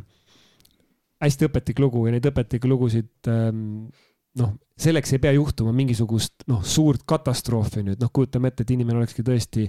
aastateks võib-olla olnud, ma ei tea, töövõimetu või midagi sellist, et, et see ei pea olema selline lugu, mis meile nagu hinge poeks, et ähm, minu meelest üks jah Äh, emotsionaalsemaid lugusid minu, minu jaoks isiklikult. Ja sada protsenti nõus ja tõesti tervitused Kertule ka siit meie armsast Kodutänava stuudiost, kui, kui võimalus tekib, astu alati läbi, mikrofonid on siin olemas, võin tuua kapist välja lihtsalt ka nendeks hetkedeks, kui oled kodumaad külastamas. aga äh, Kertu puhul ma tooks ka välja ikkagi selle erilise andekuse või, või ütleme, välja töötatud andekuse, et see, kui hästi ta oskas äh, ajakirjanikuna mõned kuud siis portaalis tegutseda, et see on ka ikkagi märkimisväärne ja selliseid sportlasi ei ole palju, kes suudaksid mõnel teisel erialal sedasi äkitselt vette hüpates nõnda hästi tegutseda, et Kertu tõesti, kui tal on sportlaskarjäär ühel hetkel läbi, siis ajakirjanikuna kindlasti kõikide Eesti meediamajade uksed on pärani lahti ja ja, ja tööta endale leiaks, kui see huvi pakub. jah, huvitav, et meil vist ei olegi selliseid näiteid või parandage mind, kui ma eksin, et noh, on inimesi, kes on teinud mingil tasemel sporti, mul tuleb kasvõi Juhan Kilumets meelde, kes on ju teinud arvestataval tasemel kergejõustikku, aga, aga kes oleks pärast tippsportlasega või profisportlase karjääri läinud ajakirjanikuks, et äh, see noh, Kertu puhul kõik need võimalused on olemas ja see oleks tegelikult väga hea, sest et ta annaks noh, üks, üks asi on võrkpall, aga ka laiemalt spordi kajastamisele ta annaks kvaliteeti kõvasti juurde. jah, lähiminevikust siin küll selliseid äh, näiteid ei oska, ei oska väga tuua, nii et äh, nii et Kertu karjääri me jälgime. meil on, meil on vastupidine näide olemas, et äh, üks spordiajakirjanikust sai äh, meistriliiga meeskonna peatreener ehk Peep Pahvist on jutt. jaa. vastupidine areng on võimalik ka. see on võimalik ja mitte ainult ei saanud treener, vaid ta tõesti alustas nullist oma klubiga ja, ja läks meistriliigani välja nii et kiidame Peepu ka siin. vot selline huvitav kiidame, äh, punkt, kus me saame sama punkti all kiita Kertu Laaki ja Peep Pahvi. see on ka Eesti spordiajaloos esmakordne hetk. see on ilmselt hea näide, et tippsportlaste kogemused spordiajakirjanikega on ilmselt piisavalt ehmatavad, et keegi seda erialaks endale ei vali, et ka siin on raske vastu vaielda, aga head sõbrad, läheme edasi ja meid on ees ootamas kaheksas koht täna tabelis ja see on siis naistekoondise põlvkondade vahetus ja Loran-, Lorenzo Michelli või Micheli äkiline lahkumine koondise peatreeneri kohalt, nii et päris eriline hooaeg oli ikkagi ka naistekoondisele saavutuste mõttes. midagi ilusat ei tulnud, aga eks kogu see töö käib hetkel ka järgmise aasta nimel, kui kui Euroopa meistrivõistluste finaalturniir siis kodus Tallinnas toimub, aga, aga alustame Mikeli lahkumisest, see oli üks huvitav moment. tundus küll, et kõik läheb edasi nii nagu peab, aga siis äkitselt oli ta, oli ta läinud. ja väga palju sellist segadust oli selle ümber ja ju sellist noh, ebaõnnestunud kommunikatsiooni nii avalikkusega kui ka omavahel, et, et noh, jah, asjaolud läksid niimoodi, aga, aga see oli jah, kuidagi selline noh, ma ei tea, kuidas ennast mängijad ise tundsid, aga, aga see, see jättis sellise noh, noh nagu tahtmatult jättis ta ilmselt selle mulje, et nagu see Eesti oli tal mingisugune nii-öelda varuvariant või halvem variant on ju, et eks, eks see, et tööd vahetatakse, on, on loogiline, aga. ja Bulgaaria koondise Mikeli läks. just, aga noh, jah mingis mõttes need halvad asjad, mina olen küll sihuke inimene, kes unustab need suhteliselt kiiresti ära, et nüüd, kui sa nagu meelde tuletad, siis mul tuli küll meelde see segadus ja kõik see see, see aeg, mis oli, aga noh, mina, mina laseks sellest nagu lahti ja pigem vaataks seda, mis on pärast teda toimunud. et äh, toim- ja mis toimus, toimus see, et tegelikult äh, vähemalt kõrvaltvaates jäi küll selline mulje, et pandi paika ikkagi koondises konkreetsed põhimõtted, kuidas koondis saab. üks asi on see, et sa mängid välismaal ja teine asi on see, et sa tegu-, tegutsed Eestis võimalikult professionaalses keskkonnas ja tegelikult see, mis me ka siin podcast'is oleme rääkinud, et Eestis on selleks Audentes. et ega teistest võistkondadest ju sisuliselt äh, kas üldse kuulus keegi koondisesse, et noh, seal oli üks tingimus ja ma saan aru ka see, et sa pead jõudma kõikidesse trennidesse. just see oli asi, mis siis sai Kristjan Õlvaku osas näiteks otsustavaks, et tema ütles, et ta ei, ei saa kaks korda päevas trennis käia mm. -hmm. jah, ja seal oligi ju noh, valusad kohad oli sidemängija Julia Mõnnakmäe, ütleme, ta küll tegi selle kaasa selle suve, aga ta taandus sisuliselt kolmandaks sidemängijaks selle, selle ta alustas algkoosseisus ju tegelikult ja lõpuks taandus, taandus kolmandaks sidemängijaks ja, ja nagu noh, ja samamoodi oli liberode, et äh, noored liberod oli siis Kadri Kangro ja, ja Nelle, ja Nelle Eenurm, et äh, vedasid välja ilusti, ei olnud küsimust. ja noh, seal oli võib-olla alguses selliseid kahtlevaid hetki, aga, aga jällegi minu meelest õiged otsused, pika perspektiiviga otsused ja noh, me natuke siin ju rääkisime ka eelmise ütleme siis äh, aasta esimeses pooles nendes podcast'is, et kas need äh, mängijad, kes on pikka aega koondises mänginud, nad tahavad selle koduse finaalturniiri ära oodata, siis mina ütleks, et nemad oma finaalturniiri ju valdavalt said juba kätte, kui nad äh, kaks tuhat üheksateist oli see vist, eks ole, kui nad osalesid jõudsid finaalturniirile ja, ja seal, seal mängisid. et, et nüüd ongi see, see protsess on normaalne ja see, millise kiirusega on noored edasi läinud, see on väga-väga tähelepanuväärne. peaasi, et nad nüüd endale liiga ei teeks, aga on olnud ikkagi uskumatult hea vaadata noh, neid noori, kes siin Audenteses on olnud viimaste aastate jooksul, et tõesti suurte-suurte sammudega edasi ja Andrei Ojametsa käe all Audentases äh, on ikkagi päris palju häid noori nüüd välja tulnud, no Eva-Liisa Kuivanen jätame hetkel siis kõrvale, kes on rannavõrkpalli peale üle läinud, aga sellest hoolimata Äli Vahula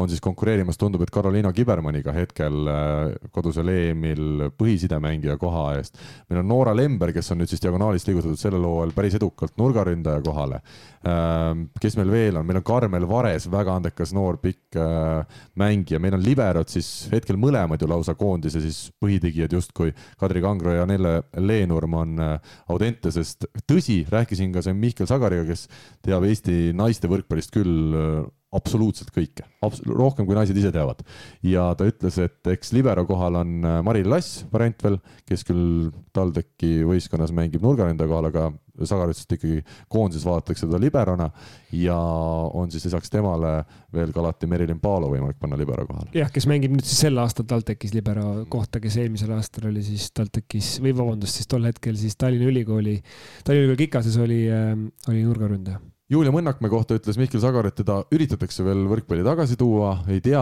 hetkel siis sel hooajal ta ei ole kuskil mänginud. Kaisa Pahmatševi, Pahmatšev olnud siin ka sidemängijana päris, päris hea, vähemalt Eesti tasemel kindlasti, aga seda ütles küll Sagar, et, et Mõnnakmäe liitumine, ütleme koduse EM-i perspektiivis vähetõenäoline ja Pahmatševi jaoks sisuliselt välistatud, et ta on ikkagi liiga kaua olnud juba eemal. aga kui vaadata seda kodust EM-i, nagu öeldud, sidemängijana, siis võib-olla Vahula või Kibermann, nende vahel peaks see peamine konkurents olema. nurgaründajatest ikkagi küsimus on, kes need nurgaründajad meil on, kes võistkonna veavad? Äh, Kristiine Miilen ilmselt kõige esimesena tuleb meelde tema Itaalia esiliigas hetkel, aga kes see teine nurgaründaja võiks olla, on see Nete Peit Prantsusmaa esiliigas, Silvia Bertens, kes siis välismaa lepingu äsja lõpetas, on see Noora Lember ehk juba, et seal neid küsimusi on, nurgaründaja positsioon ikkagi nii-nii oluline, et, et, et seal võib Eestil jääda, jääda puudu kodusele EM-il. no õnneks on nüüd diagonaalründaja koht meil kenasti täidetud eeldusel, et Kertu Laak äh, saab mängida, on ka Kadi Kullergan välismaal meil taas mängimas, et, et seal justkui valikut peaks ka olema, juhul kui Kertul mäng ei peaks kõige paremini iga kord sobima. ja temporündajad, Liis Kullergan ja Liise Ollas, mõlemad nüüd mängimas esiliigas Itaalias ja selles suhtes see positsioon ka ikkagi üsna korralikult kaetud, et meil on see seis, ma julgeks öelda just välisklubides mängivate mängijate ja nende olukorra tõttu natukene parem, kui ta eelmine talv on ja, ja noh, on ka siit kodust, eks ole, mõned, mõned variandid äh, veel, et, et huvitav oleks teada, kas kas kuidagi oleks teemaks ka Katriin Põld? Äh, ja Mihkel Sagar ütles, et, et ta loodab, et Katriinist tuleb see soov tagasi tulla koondisesse, et tema mm -hmm. temporündajana kindlasti annaks ka juurde. tema, tema oleks jah, aga jällegi selle kõige taustal eh, meenutame selle suve, mis tegelikult Euroopa hõbeliigas, see hõbeliiga nimi kõlab väga ilusasti, aga tegelikult oli tegemist Euroopa kõige Äh, siis nii-öelda madalama reitinguga võistkondadega jalgpallis kutsutakse seda mudaliigaks. ehk siis, et see on Eesti koondis, naistekoondis, see on karm tõde, sel suvel oli mudaliiga eelviimane mm -hmm. võrkpallis, et, et ta kõlab küll ilusti hõbeliiga, ma ei tea, kas ta oli viies või, või mis see, mis see koht oli, et, et aga, aga, aga reaalsus oli see, noh, tõsi on ka see, et ei, olid mitmed naiskonnad, kes ju ei osalenudki eh, suvel või noh, tegid siis kuidagi teistmoodi seda suve mängisid, aga siiski, et noh, mingit ülemäärast optimismi nüüd nagu koduse finaalturniiri eel ei ole, aga samas tõesti, et jällegi võrreldes sellega, kus me olime, me tunnetame kuidagi, et on nagu, on nagu hästi või parem ja eelkõige, et suurt heameelt ikkagi tekitab see noorte areng, et kui nad saaksid järgmise sammuna, noh, Heli Vahula ja Noora Lember ju käisid ka Itaalias eh, treenimas väga tugeva võistkonna juures. ei mäleta, mis see periood oli eh, siin, eh, noh, igal juhul päris, päris arvestatava perioodi ja,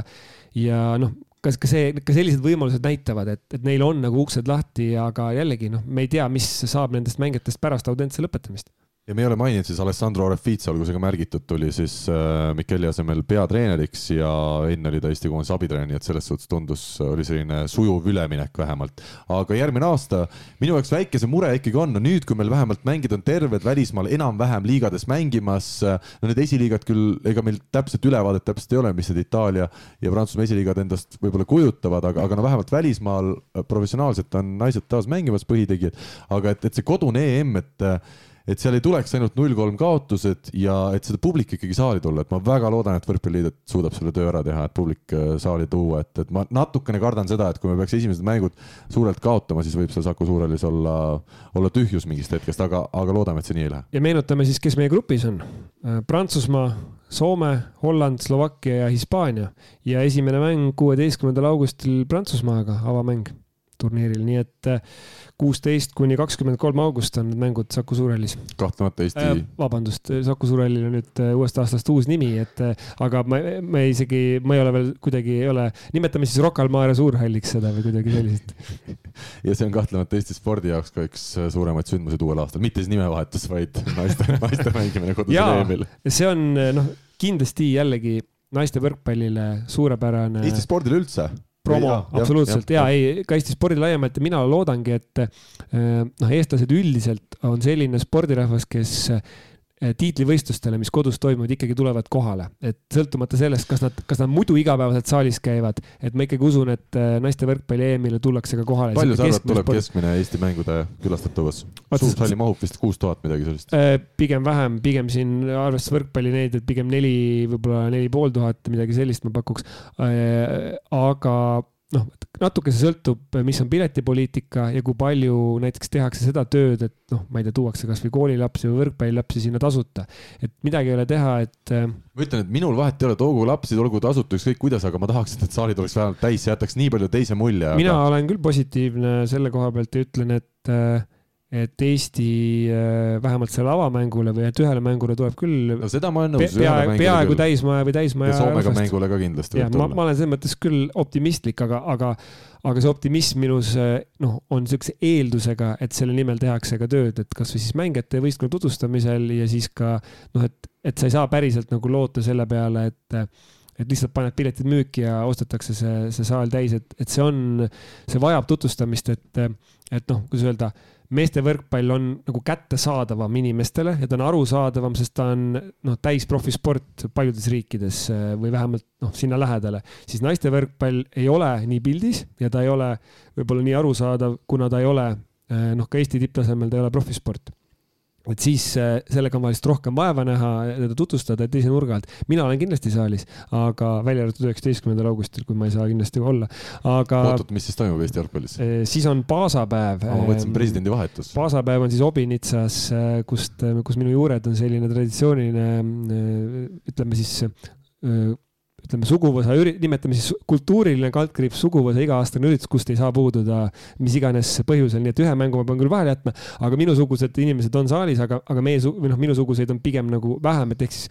küsimus on selles, et kuidas ta nagu ka Eesti spordisõbrale, kes jälgib nagu mitte ainult võrkpalli, vaid just. ütleme laiemalt sporti, et kuidas talle see söödavaks teha loodame parimat ja selle eeldus on ikkagi see, et alaliit teeb korraliku töö korraldamise osas ja mängijad suudavad ennast augustikuuks väga heasse vormi võistkondlikult ka viia. aga läheme edasi ja meil tuleb nüüd siis seitsmes koht, me jätkame naiste võrkpalli teemal ja. väga see... sujuvalt lähevad see üheksas, kaheksas, seitsmes omavahel on seotud. no ega see saate tegemise kunst ei kao kuskile. ja on näha, et püsib. Karl on vormis. Kuigi me tegime selle koos, selle topi küll. kuigi, kui me vormist räägime, siis on, me käisime siin kolmekesi kõik enne saate algust kaalul ja pikkused on siis, äh, Taavi on kaks null üks, ta ütles, mina olen meeter kaheksakümmend kaheksa ja Karl on. kaks kolmkümmend. on meeter üheksakümmend üks, ta ütles midagi, üheksakümmend vist oli. üheksakümmend, et siis kõige rohkem meist kolmest kaalus Karl, et ma igaks jätan need numbrid no,. kaalukas mees, öeldakse, et mees peabki kaalukas ta oli, olema. ta oli kaalukas ja. sõnal on kaalu. ma võin öelda, et see kaal lähenes null koma ühele tonnile, lihtsalt ma võin öelda, et ta lähenes sinna ütleme, et rannahooaeg on, on kaugel õnneks, on minu vabandus veel. olgu. et äh, üritame, üritame, praegu on liiva all äh,, suveks loodan pea liiva alt välja pista. sul on lihastel peiteaeg praegu? jah, mul on monopekk, on praegu moes. ma ei tea, mis Taavi naerab siin kaugel mikrofonist Taavi on alati heas vormis, ma ei tea, Taavi, kuidas sa alati heas vormis, sa ei, sa ei mängi enam mitu aastat võrkpalli ja sa näed ikka paremas vormis välja kui enamik Eesti võrkpallurid, kuidas see võimalik? Kunagi sai lihtsalt nii palju trenni tehtud, et praegu, praegu ma veel kütan selle pealt. aga üks hetk, kui see laks ära käib, siis valus. sihuke kõht ette varsti. me ootame seda hetke. ja, ja head sõbrad, see ka oluline info taas Mihklilt edastatud meie personaalteemade äh, osas ja nüüd siis läheme tõesti sujuvalt seitsmenda koha juurde. naiste võrkpalliliiga ülipõnev lõpp. Tallinna Ülikool Kikas luhtas seeria neljandas mängus viis meistritiitli palli Tartu Ülikool Bigbanki vastu, kuid tuli viiendas ehk otsustavas lahingus sama erilise stsenaariumiga ikkagi meistriks. tuletame meelde, viies mäng Tallinna Ülikooli spordihoone, madal lagi, madalam kui murugi võib öelda selle kohta. ja viies game oli siis Tartu veel ees üksteist, kuus ja neliteist, üksteist, aga Tallinna Ülikool Kikas võitis kuusteist, neliteist otsustava viienda game'i ja tuli siis esmakordselt pärast kahe tuhande kuuendat aastat Eesti meistriks. no see oli, see oli tõesti üks väga erinev mäng, kogu see seeria oli noh, üli-ülikõva ja siin on ka küsitud, et mis see võrkpalli noh, kõige kõvem emotsioon on olnud siis äh, minu jaoks aastal kaks tuhat kakskümmend kaks kindlasti naiste finaalseeria ilma mingisuguse kahtluseta. ja noh, jällegi selleks, et mingi asi läheks hinge või selleks, et et ähm, see noh, see stsenaarium oleks selline, see emotsioon kannaks, selleks ei pea seal olema tuhandeid ja tuhandeid pealtvaatajaid, seal Tallinna Ülikooli kitsukeses võimlas oli vast, siin ei mahugi rohkem kui paarsada. head varumängijad ära mahuvad. head varumängijad ära mahuvad, aga noh, see ei ole üldse oluline, et see nagu emotsioon ja kõik see. see andis juurde tegelikult. see andis kõik juurde, et ähm, noh, tekkis, tekkis selline tunne nagu mm, ütleme, üheksakümnendate alguses oli Kalevi spordihalliga, et räägiti, et äh, Tallinna Kalevi äh, korvpallivõistkonna mängudel on noh, et tohutu kogu Eesti on kohal ja, ja nii edasi. noh, tegelikult sinna võib-olla mahtus võib-olla paar tuhat inimest sinna Kalevi välja, aga noh, see tunne oli selline, et kõik oli täis pakitud. et siis seal ka ja, ja noh, need olid huvitavad mängud, need olid emotsionaalsed mängud, seal oli vaja palju tõestamist äh, Sten Esna treenerina oli vaja, oli vaja tõestada. nüüd äh, noh, see olukord on selles mõttes muutunud, et äh, et kogu see kahe hooaja vahel siis nagu võistkonnad äh, muutusid põhjalikult. Tallinna Ülikoolist sisuliselt sai TalTech, ütleme oma olemuselt, seal küll mõned mängijad erinevad, aga ikkagi sealt tuli siis Audentesest ka paar mängijat juurde, samamoodi siis nii-öelda, sest TalTechist jäi alles. Äh, Tallinna Ülikoolist sai Tallinna Ülikool Viimsi äh, ja mida siis nüüd Sten Esna on teinud noortega peamiselt, et sellised noh, jõujoonte muudatused on toimunud, aga noh, mul on tunne ka, et Steni jaoks, kes on ju valdavalt noorte võrkpallis olnud tegev ja tüdrukuid kasvatanud, et siis äh, tema jaoks oli see ikka ka väga oluline ja väga pingeline periood, et ennast, ennast tõestada ja noh, kuidagi see kõik oli nii emotsionaalne ja sümpaatne, et, et nagu keeruline on ka sellist stsenaariumit nagu välja mõelda. ja ma mäletan ka seda, et Mari-Li Lass oligi seal liberona äh, väljakul ja, ja üldiselt noh, liberod ei ole nagu mängus need kõige kesksemad, aga just seal viiendas game'is mul on meeles Marili Lass just liberona mitu palli tõi kaitses üles ja jättis selle võimaluse üldse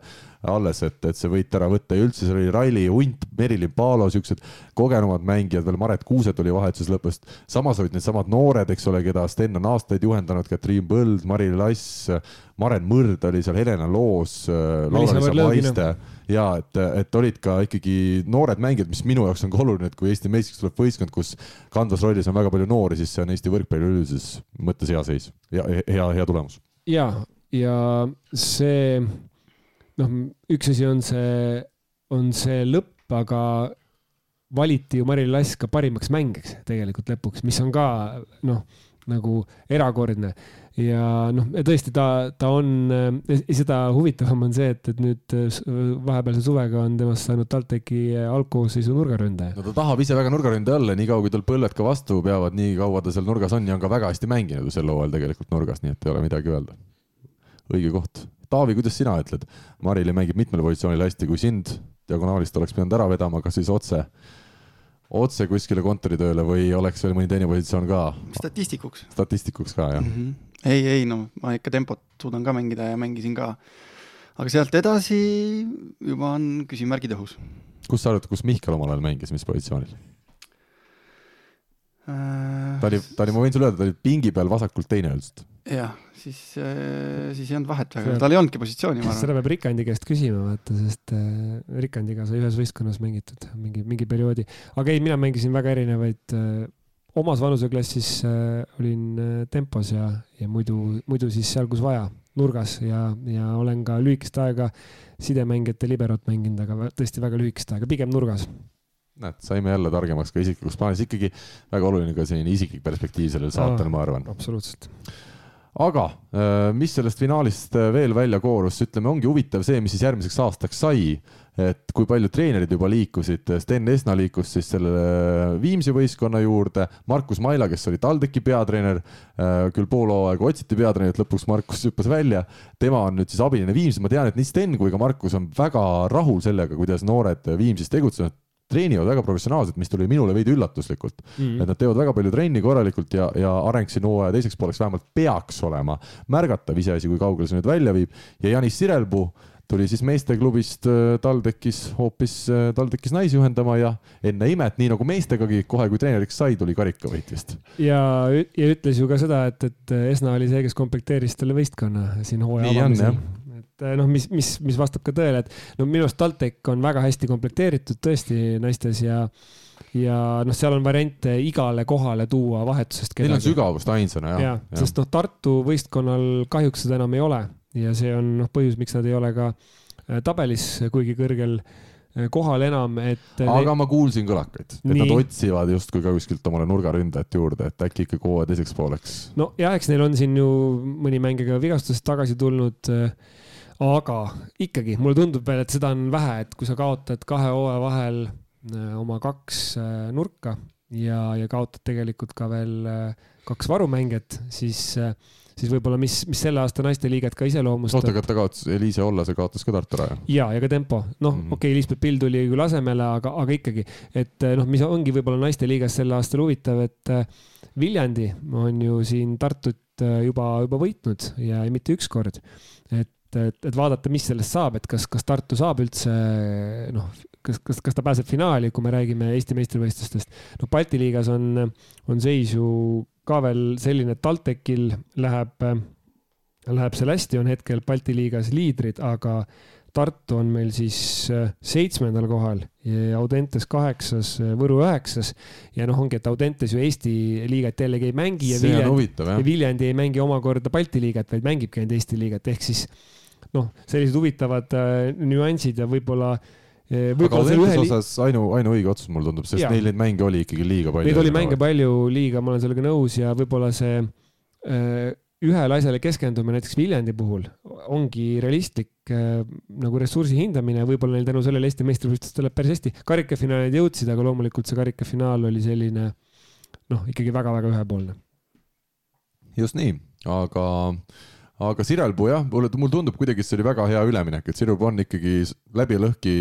võrkpalli sees olev inimene ja, ja kuidagi tundus, et tal tekkis lihtsalt see aeg, sai otsa ja ta oli ka kõige kauem ju meistriga klubide ühe klubi juures olnud treener, kas vist alates kaks tuhat kolmteist juba. et äh, liikuda naiste juurde ja ma olen saanud ka kõrvalt sellist infot, et või, või aru saama, et ta ikkagi naudib seda äh, naistega koos töötamist ja see on andnud talle endale ka sellise uue hingamise, nii et äh, loodame, loodame parimat. ja praegu, kus ütleme, meeste võrkpallis neid töökohti enam ei ole väga palju ju järel, oleme ausad, siis eks need kõik treenerid peavad natuke paindlikud olema ja võib-olla vaatamegi ringi ka naisteturul, sest et seal, oleme ausad, asjad on äh, päris ilusad, just võistkondade arvud ja, ja mängijate hulk, et, äh, et seal, sealpool ei saa nagu midagi ette heita, et aga aga meeste võrkpallis treeneri koht praegu jah, tuleb ikkagi tikutulega taga otsida aga meie otsime nüüd tikutulega taga top kuute, meil on pool äh, sellest äh, edetabelist läbitud, palju õnne teile kõik kuulajad, te olete pool vastu pidanud. aga pool on veel alles jäänud ja enne kui me läheme teise poole juurde, me teeme väikese vahelepõike ja võtame ette kuulajate küsimused.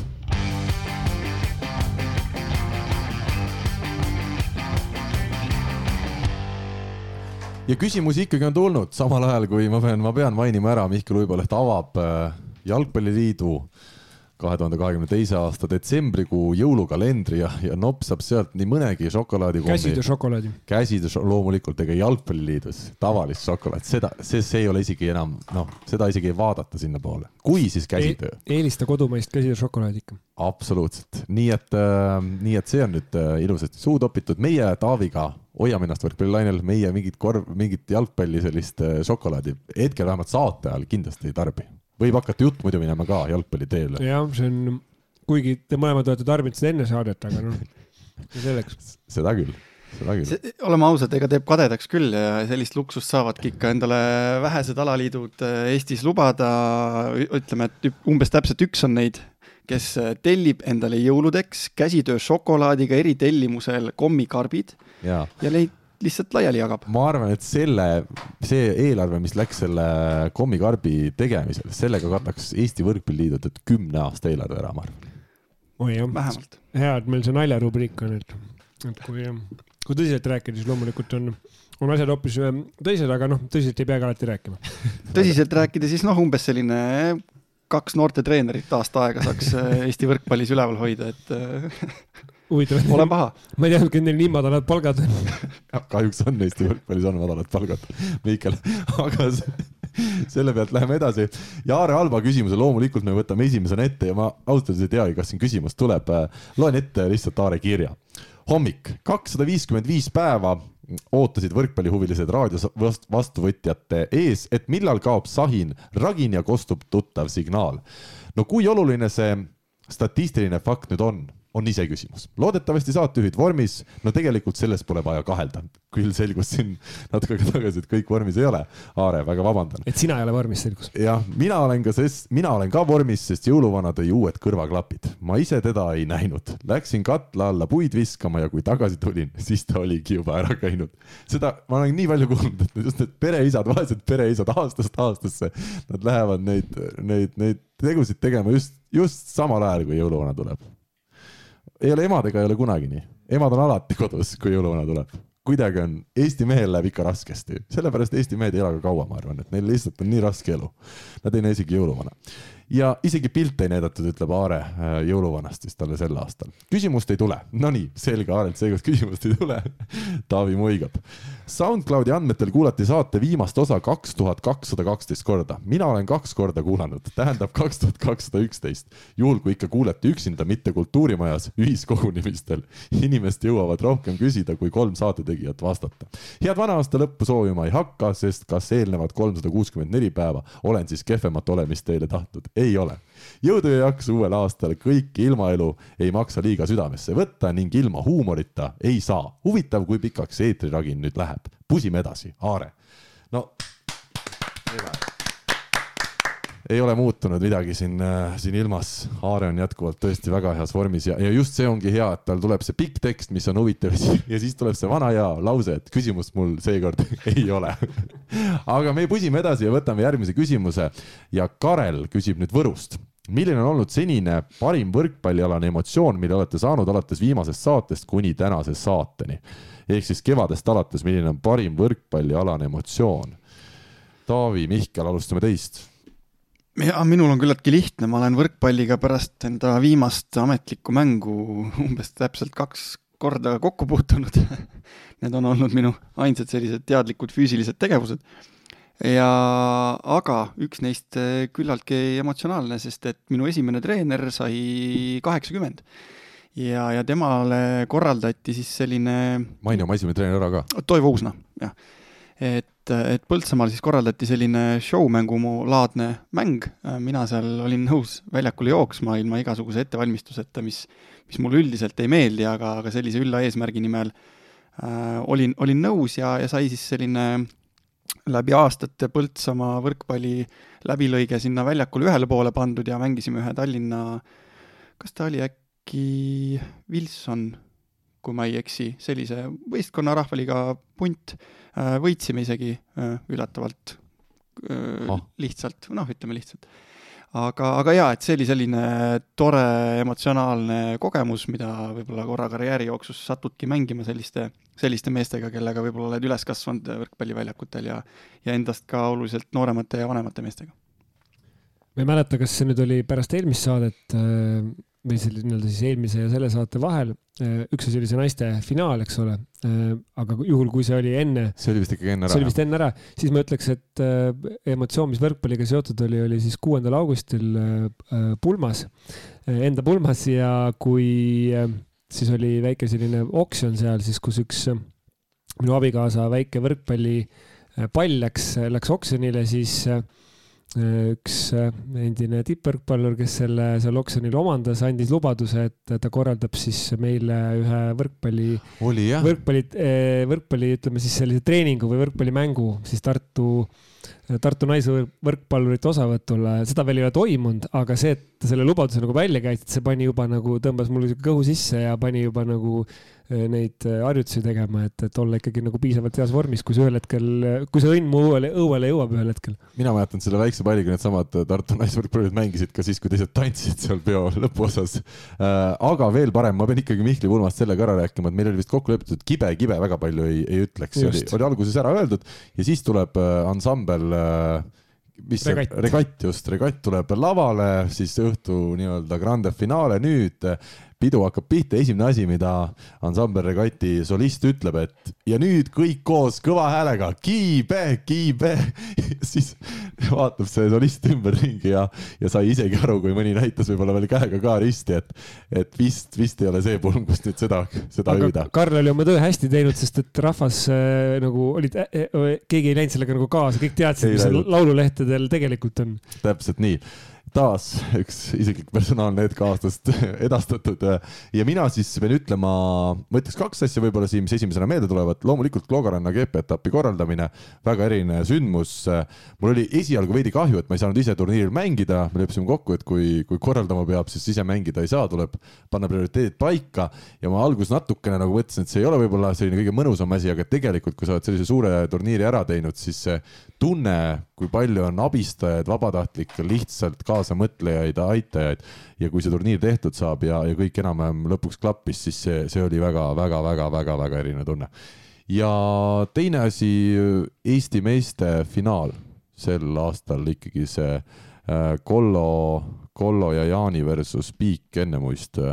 no augustikuu lõpus kolmkümmend kraadi väljas, see oli risk, et see nii hilja tehti. Eesti meistrivõistlustel, Saaremaa ja Kuressaare ju loobusid veel suve alguses Eesti meistrivõistluste korraldamisest, siis saadi need Pärnusse ja tõesti augusti lõpus nii ilus ilm ja nii kõva finaal, tõesti absoluutselt fantastika, vägev elamus. nii et ühe Leedu võrkpallitegelase kodustamine ei mahu top kahte? no ma mõtlesin, me terve saadet sellest ei räägi, aga kuna ta eesti keelt veel väga palju ei räägi, siis ma arvan, et ta, ta ka ei saa teada sellest, et ma seda praegu siin top ühena välja ei toonud. ära muretse, küll ta saab. küll ta saab Gerei, Gerei. nii, aga head sõbrad, võtame siis ette järgmise küsimuse. aitäh, Karel, hea küsimuse eest ja, ja Karel siin veel lõppu ütles ka, PS väga vinget jälle saadet teete. super, väga vingeid küsimusi esitad. Eve Sarv küsib küsimusi. esimene küsimus, proovime siin suhteliselt jälle hästi läbi minna, mitte liiga pikaks arutama jääma, jääda. me oleme hetkel enam-vähem graafikus, et me päris seitsmepäevast saadet ei tee. kes on teie arust arenenud enim sel aastal Eesti võrkpalluritest? tuleb siis Evelt küsimus kes on teie arust, vaadates, kas Mart Naaber veel eelmise aastaga mängib, siis tahaks öelda, et Mart Naaber, aga see ei ole võib-olla kõige, kõige, kõige õigem vastus. võib-olla ongi Märt Tammearu. minu jaoks, kui me meestest räägime. minul esimesed mõtted tulid kuidagi kodusesse liigasse, et võib-olla täiesti mingid uued, uued nimed isegi, kes on esile tõusnud ja ütleme sealt Võrust Devin Põlluste näiteks, kes tuli noh, ei tea kust, on ju, et mina teda tege-, mina teda tegelikult mäletan aastate tagant ja ma ei tea, mis asjaolud nii kokku langesid, et ta ei jäänud meistriliiga meeskondade nii-öelda nimekirja. Aga, aga see on kindlasti üks, üks nimi, ma arvan, et ikkagi noore, nooremapoolsetest. ma mõtlen veel välismaal vanker ka ikkagi, see, et ta on Maassegis jäänud põhisidemängijaks ka teiseks hooajaks ja ja see, et ta on välismaal kanda kinnitanud, ma arvan, et see on üleüldiselt Eesti võrkpallile väga oluline samm olnud. Mihkel, soovid sa täiendada? ei tea, võib-olla Tristan Täht näiteks Äh, ütleks, äh, kes on, sõltubki, et kus sa seda arengut võtad, et see ei pea olema nagu tänase seisuga Eesti parim, aga minul tema mäng on olnud päris huvitav näha, kui ta on platsile siin saanud meestest. ja ma ütlen ka rannas, kusjuures ta oli Jan Stoogiga mängis seal Pärnus suve keskel äh, ühel etapil ja, ja nad mängisid vist äh, Rebel Korotkovi vastu ja nad olid täiesti üsna lähedal võidule, mis oli minu jaoks täiesti üllatav, et nad olid füüsiliselt juba väga korralikud. Nad oskasid väga ilusasti ka võrkpalli mängida. loomulikult nad ei ole nii stabiilsed nagu veel ütleme, paremad täiskasvanud, aga, aga lõpuks ometi ka noortest üks selline korralik poistepaar, kes kes ennast nagu meesteklassis ka hakkab kodusemalt tundma, et ma loodan, et, et nende see areng jätkub nii saalis kui rannas. ja nüüd, kui naiste peale mõelda, siis ma ei teagi, keeruline tuua võib-olla siis ikkagi Audentesest äh, Noora Lember ja Häli Vahula, ma ei oska neid äh, nii-öelda pingeritta panna, aga nemad kaks ilmselt. Läheme edasi, kuidas saaks lahendada järgmisel aastal väheste noormängijate esiletõusu? Tuleb neile luua juurde kohti, kus nad saaksid äh, esile tõusta, et naistel on kaheksa võistkonda. Ähm, noh, see on, see on hästi, et nii, nii on võimalik esile tõusta. meeste puhul on neli võistkonda, mis tähendab, et kõrgliigas, mis tähendab, et esile tõusmine on tänu sellele lihtsalt väiksem, sul on kohtade arv täis, et, et, et see oleks üks variant ja tegelikult.... ometi, aga meil tegelikult ometi on ju Pärnus saanud sel aastal väga palju noored oma võimalusi, on Võrus saanud oma võimalusi, isegi TalTechis, nagu sa ütlesid, Täht on saanud, et ja. meil on lihtsalt kõik läinud välismaale, kes ikkagi tasemel mängijad on olnud enam-vähem. on, aga noh, ütleme näiteks on ju vägagi tugevalt teemaks see, et järgmisest hooajast Audentese meeskond mängiks ka meistriliigat, mis tähendab, et äh, see tooks ju terve võistkonna jagu mängijaid jälle pilti. ma arvan, et see, kui see realiseerub, oleks väga hea lüke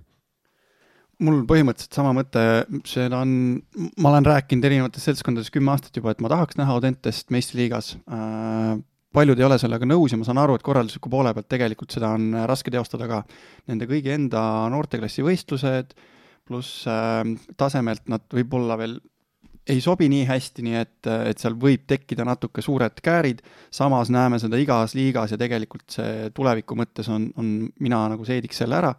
aga, aga nad saavad e-, esiliigas oma väljundi kätte minu arust täiskasvanud klassis ja nad ei ole seal nagu peaaegu üle kõigist, et öelda, et nad noh, see ja, on nagu ja. see argument ka. aga, aga mida ma saaks nagu soovitada, on ikkagi see, eh, Audentese keskkond võiks olla see täpselt paras ülemineku vanus, üleminekuperiood, kus sa meesteklassiks nii-öelda valmistud kui sa valmistud iga päev oma vanustega koos mängides, siis see üleminek ei tule nii lihtsalt. sa küll nädalavahetusel saad esiliiga satside vastu mängida, kus on natuke mehi vastas, aga mitte sellises vormis nagu võib-olla tippmehed et mina tahaks näha tegelikult Audenteses ütleme, kas siis palgal või abis igapäevaselt kahte professionaalset meesmängijat. et, et äh, meil tegelikult omal ajal oli neid trennis, meil oli Vesik, meil oli Rando Ringmets, kes olid väga, väga heal tasemel mängisid, nad mängisid meiega koos esiliigat ja see oli tohutu muutus, kas sul on omavanused ja nooremad trennis või sul on vähemalt kaks äh, ikkagi täismeest, kelle sõna maksab ja kelle pealt sul on õppida. Et, et see on nii-öelda minimaalne soovitus, mida sellele Audentese pundile juurde saaks, sest oleme ausad, enamus mehed, keda, või enamus poisid, keda me ootame meistriliigasse, peaks enam-vähem sealt Audentesest tulema, et jah, on neid mööda Eestit laiali ka, neid tippe ja ja oma linnades nad ka võib-olla meestevõistkondade juurde võetakse, aga see Audentes võiks olla see koht, kus kus nad saavad seda võib-olla veel läbimõeldumalt. pluss teine soovitus ma tahaks tegelikult näha Audenteses äh, natuke rohkem poisse veel, et minu arust on see number kas siiani kaksteist äkki. nojah, midagi sellist, võib-olla ähm, üks-kaks rohkem, aga. et kuusteist minimaalselt mm. võiks, võiks olla see number, arvestades, et äh, iga aasta võib-olla mõnda meest tahetakse juba võib-olla meistriliiga võistkondadesse, nüüd on neid Tallinnas üks, väga keeruline ära anda aga, aga loodame, et see kauaks nii ei jää. ja kes on haige, vahel jälle. haiged siis..., vigastused, kõik, kõik need mm. muud asjad ja oleme ausad, kümnenda klassi poiss ei peagi seal võib-olla veel väljakul käima, et minu enda näide samamoodi, et äh, ma läksin sinna täiesti null, null nagu kogemusega ja, ja mul ei olnud isegi nagu positsiooni, kus ma mängisin. Et, et mängumehed on seal üksteist, kaksteist klass ja, ja see ongi okei okay,, kui sa algul seal äh, teed tehnikatrenne. et, et need lihtsad asjad, kui saaks saaks natukene käima, siis ma arvan, et seda järelkasvu oleks natuke rohkem ka kes on järgmisel koondise suvel mängija, kes peaks aitama viima Eesti võitudele?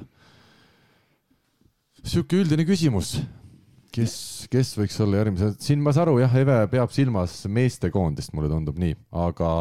kes võiks olla koondises mängija? no kui meil Robert Täht on ikkagi heas vormis ja väljakul, siis mulle tundub tänase päevani, kuigi me peame mõtlema, Robert on järgmisel aastal kolmkümmend, nagu on Rene Teppan, nagu on Andri Aganits, et need noored mehed, keda meist justkui tundub igavesti noored, hakkavad saama, hakkavad saama kogenuks, ei ole enam midagi teha jah, Karl, ka sina said kolmkümmend sel aastal. me kõik jääme vanaks. aga ja mina ütleks Robert Täht ja kuna ta ei, küll ei täpsustanud, aga siis naiste poole pealt Kertu Raak, et kaks ähm, võib-olla igavad vastused, aga. aga nii see on jah? nii see on jah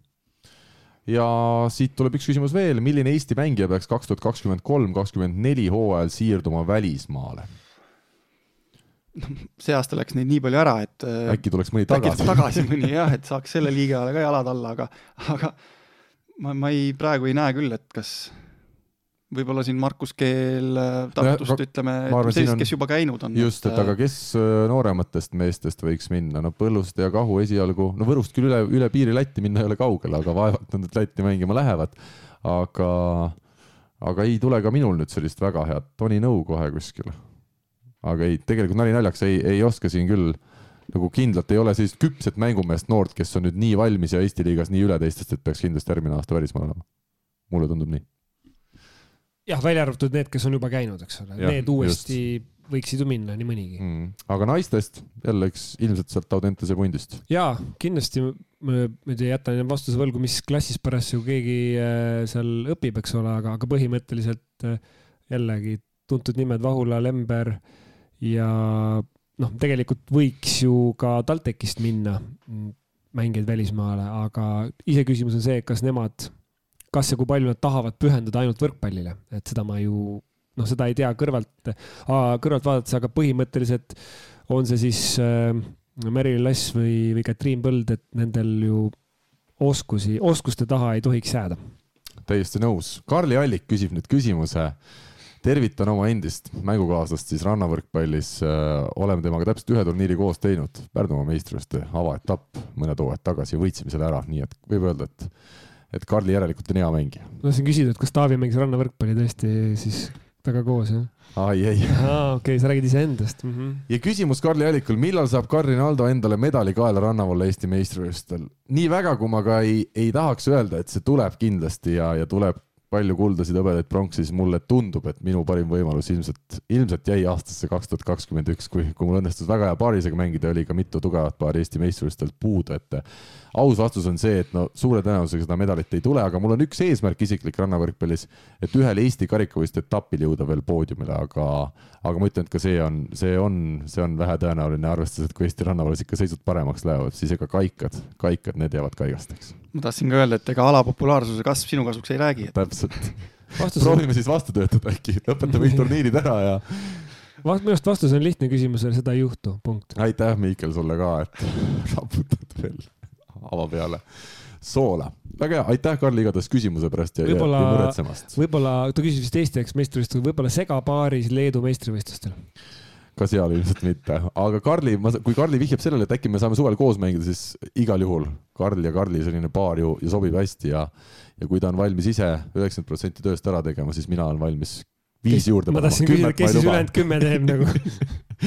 Eesti võrkpallifänn küsib, nime ei soovi avaldada meile, toimetusele on see teada. tere, kuna saates osaleb endine Küprose liiga mängija Taavi Nõmmistu, siis küsiks, et miks lähevad Eesti mängijad ja treenerid Küprose liigasse. kas seal see liiga tase on tugevam kui Eestis, soovitakse saada CV-sse välisklubi kogemust või on seal kohapeal hea võimalus tutvusteks edapi-, edaspidises karjääris? kuna koha pealt minu teada videopilti ei tule ning ametlik statistika on nii, kuidas juhtub, siis kuidas sealt praktiliselt see väljapaistmine välja näeb, et uued klubid sind üldse üles leiaks, eriti kui klubi ei osale ka Euroliigas. uusi saateid ootama jäädes, Eesti võrkpallifänn me oleme rääkinud siin saates muidugi Küprose liigast sinuga seoses, aga, aga sellele küsimusele vastame ikka ja võime meelde tuletada need põhipõhjused. Äh, no alustada siis äh, liiga tase ei ole kindlasti kõvem kui Eestis, äh, et seda keegi püüdma ei lähe, aga nagu ma olen ka varem öelnud, et see sinu roll võistkonnas on teine. kui võtta esimeseks välisliigaks, ta ei ole üldse kehv, sa saad seal ennast liigataseme mõttes hästi tunda, sa oled isegi teistest natukene üle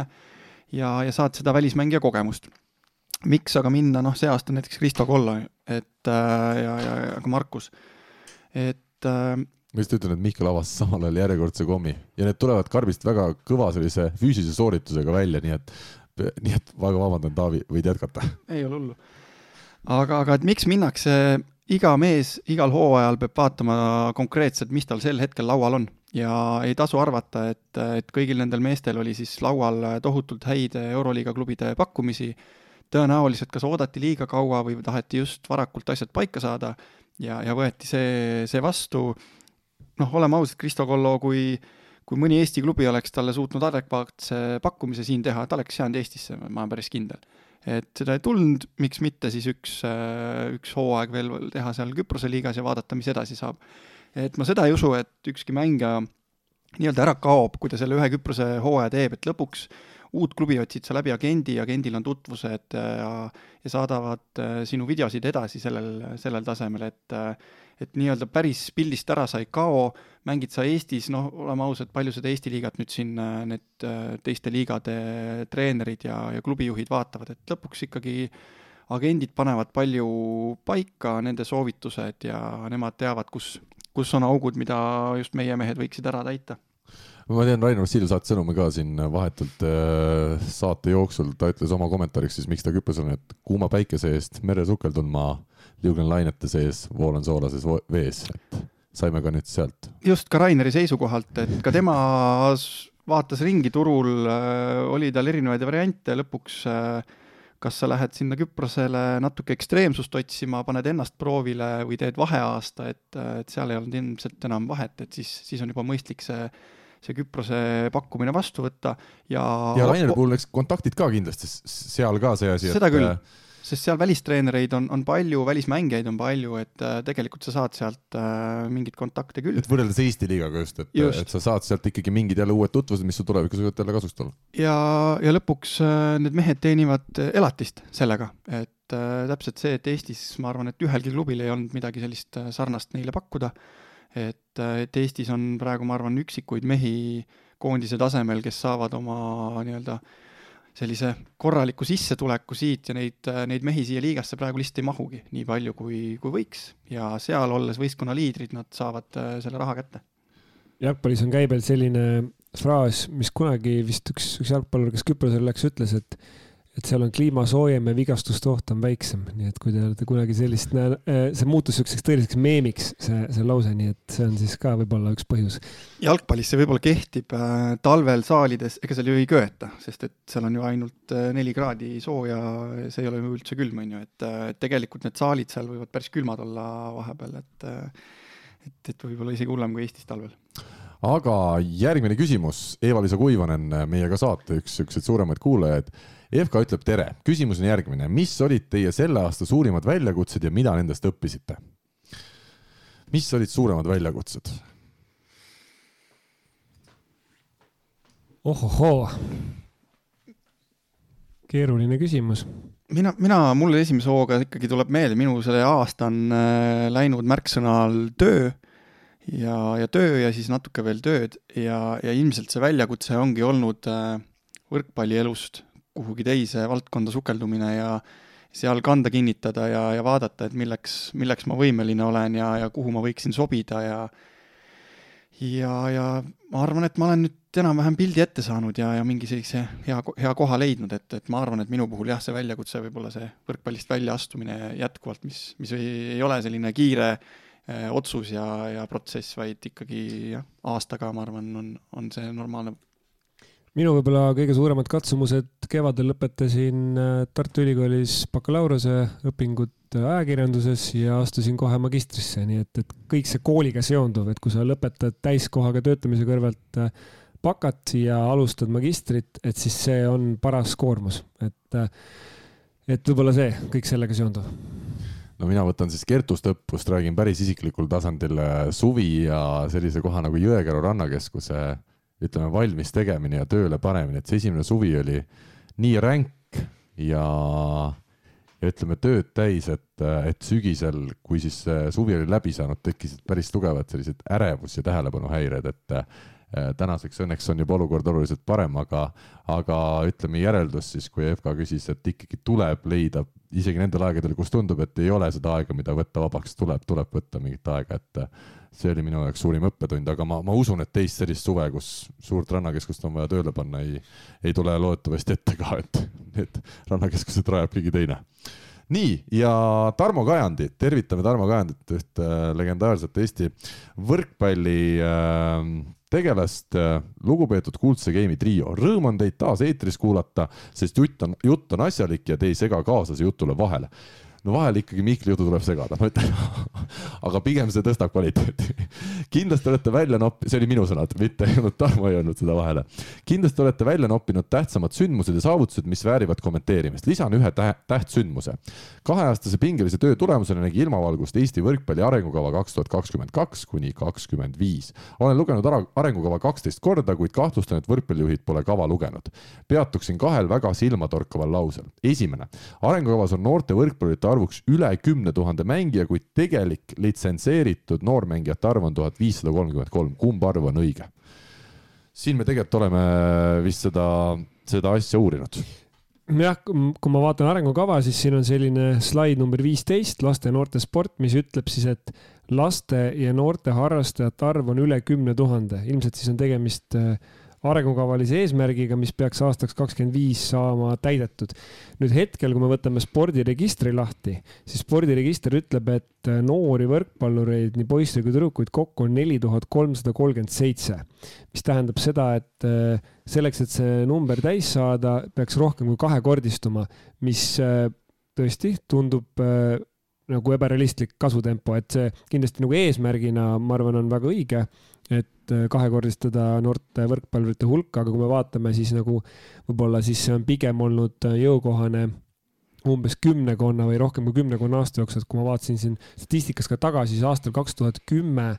oli äh, noh, natuke vähem kui see ei olnud päris kaks korda vähem noorvõrkpallureid, aga oli umbes, kui praegu on neli tuhat nelisada, siis siis oli umbes kaks tuhat kuussada või midagi taolist, et, et siis pigem ma ütleks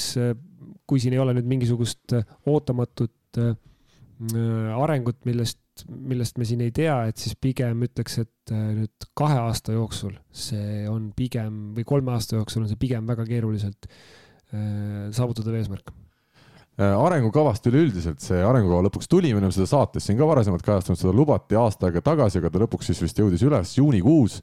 Äh, natuke jäi küll mulje, et seda nagu kuskilt äh, välja ei tahetud tuua eraldi, et see oli seal äkitselt lihtsalt Võrkpalliliitu lisatud kuskile nurga alla, aga mis, mis võrdluses Jalgpalliliiduga, kui nüüd võrrelda neid arengukavasid, ikkagi silma jääb, on see, et Võrkpalliliidu arengukava on lihtsalt ilusatest loosungitest koosnev selline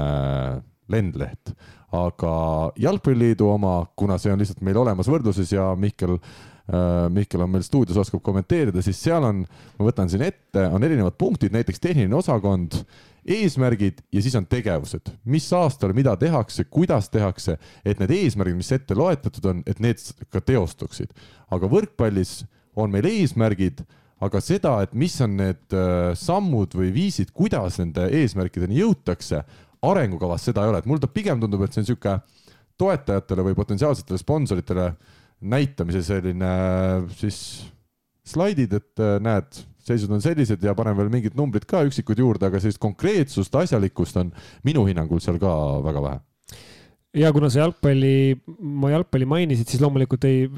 kiidusõnad, mis puudutab jalgpalliliidu arengukava, võtan alati vastu, et eh, ei olnud meil see kuidagi sihuke kokku lepitud eh, jutt siin saate eel. aga natukene nagu nõustuks ja natuke oponeeriks sulle, Karl, et, eh, et noh, olles arengukava koostamise juures olnud, et see on üks väga keeruline tegevus.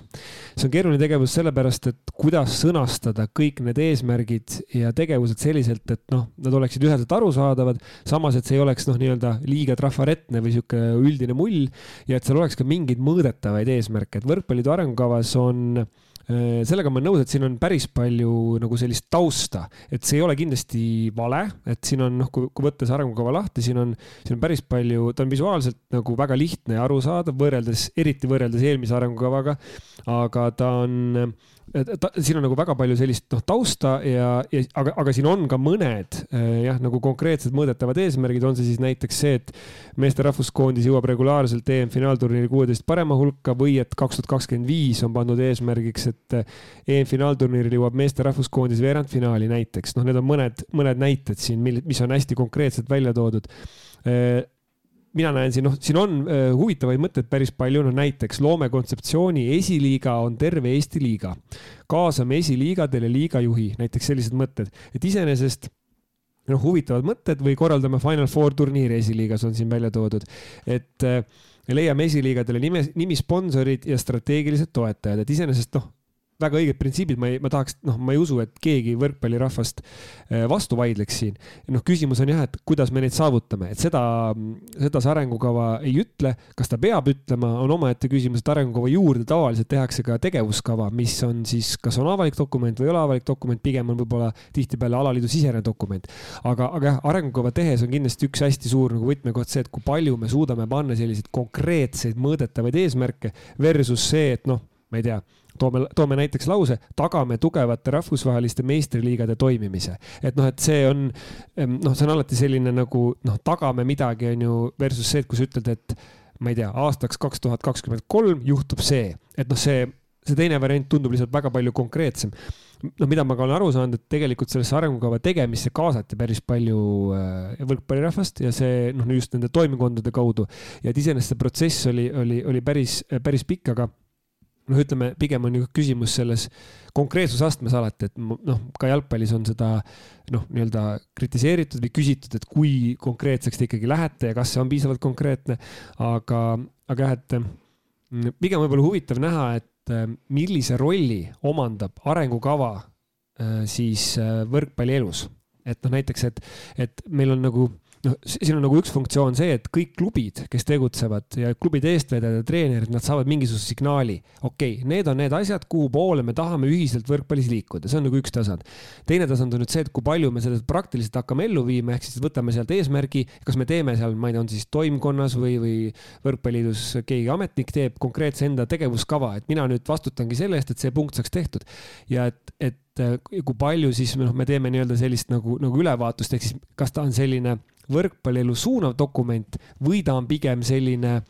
noh, lihtsalt nagu hetkeseisu kaardistav dokument, et see arengukava võib nagu erinevalt äh, nagu, nagu erinevat rolli mängida, nii et äh, ta ei ole nii äh, nagu mustvalge äh, võib-olla, et kas see on hea või halb või ebakonkreetne või, või, või konkreetne, et ta on, ta on üpris keeruline dokument, aga ma olen nagu täpselt, absoluutselt sellega nõus, et mida konkreetsemaks teda teha, mida rohkem sinna panna numbreid, eesmärke, seda lihtsam on võrkpallirahval selle arengukavaga kaasa tulla ja seda lihtsam on meil ka mõõta oma tegevust, et kas meil õnnestus see ja kui, siis noh, miks ei õnnestunud. Ja seda noh, minu arvates võiks alati rohkem olla jah, lihtsalt eelmisest arengukavast ka, seal oli ka väga palju väga huvitavaid loosungeid, kui see kõik täide oleks läinud, no super, aga see nagu kuidagi ei ole lihtsalt selline. seal oli ka minu meelest, kui ma peast ütlen, eelmises arengukavas oli näiteks harrastajate arv kümme tuhat, meil on praegu vist äkki kuus tuhat midagi, et mm., et noh, see ongi, noh, see on ka võib-olla üks asi, üks rakurss arengukavas, et kas me paneme arengukavasse kirja unistused Äh, mingid suured strateegilised eesmärgid, mida me tahame saavutada näiteks, ma ei tea, kümne aasta perspektiivis. Või me paneme sellised hästi konkreetsed eesmärgid, noh näiteks, et kui meil praegu on kuus tuhat ja peale võrkpallurit spordiregistri järgi, et panemegi, et me tahame aastaks kaks tuhat kakskümmend viis, et oleks seitse tuhat võrkpallurit, mis on noh, pigem niisugune realistlik eesmärk, et mina soovit-, või nagu mu, minu nagu idee on see, et, et alaliidud üldse võiksid teha nagu kaks dokumenti, üks oleks selline visioon on see siis kümme või viisteist aastat, et kuhu me tahame jõuda, sellised suured strateegilised eesmärgid, harrastajate arv, infra, treenerid, kõik see. Ja teine oleks siis selline ütleme maksimaalselt nelja aasta perspektiivis arengukava, mis siis äh, oleks selline, et ta iga kahe aasta tagant uueneks. Et, et, et sul nii-öelda kogu aeg oleks, äh, ütleme näiteks, et teeme kakskümmend kuni kakskümmend neli arengukava, siis kahekümne teise aasta lõpus Äh, ta uuendatakse, tehakse juba kakskümmend kaks kuni kakskümmend kuus, ehk siis, et ta kogu aeg niimoodi läheks edasi, et minu äh, äh, noh, nagu nägemus on selline, miks nii, sest et see on nii dünaamiline, see arenguprotsess. Nõus sinuga, me peame saatega edasi kiirustama, meil on peaaegu kaks tundi varsti täis ja meil on kuus esimest kohta veel rääkimata. lühidalt Tarmo Kajandi teine küsimus, kas teid rahuldab rahvuskoondiste identiteet, mis piirdub nimetute grupipiltidega Võrkpalliliidu kodulehel? vastame lühidalt ära, et ei, ei rahulda ja võiks olla natuke parem seis? ei ole isegi selle peale tulnud, et sealt seda infot otsida või, või kuidagi kasutada, võib-olla minul ei ole ka seda infot nagu nii täpselt vaja, aga, aga loomulikult, kui, kui keegi seda otsima hakkab, siis see on esimene koht ju tegelikult, kus, kust võiks detailset infot saada. aga eks selle kodulehe, ütleme, roll on muutunud ajas, et täna võib-olla ma leian, et tähtsam on olla ka alaliidul hästi ja kvaliteetselt pildis sotsiaalmeedias et see on küll suund, mis mul tundub igale poole läheb ja ma näen siin kaks meest ka mõlemat pöidlaga näitavad, nii et äh, oleme sellega nõus. daamid ja härrad, me liigume esikuue suunas.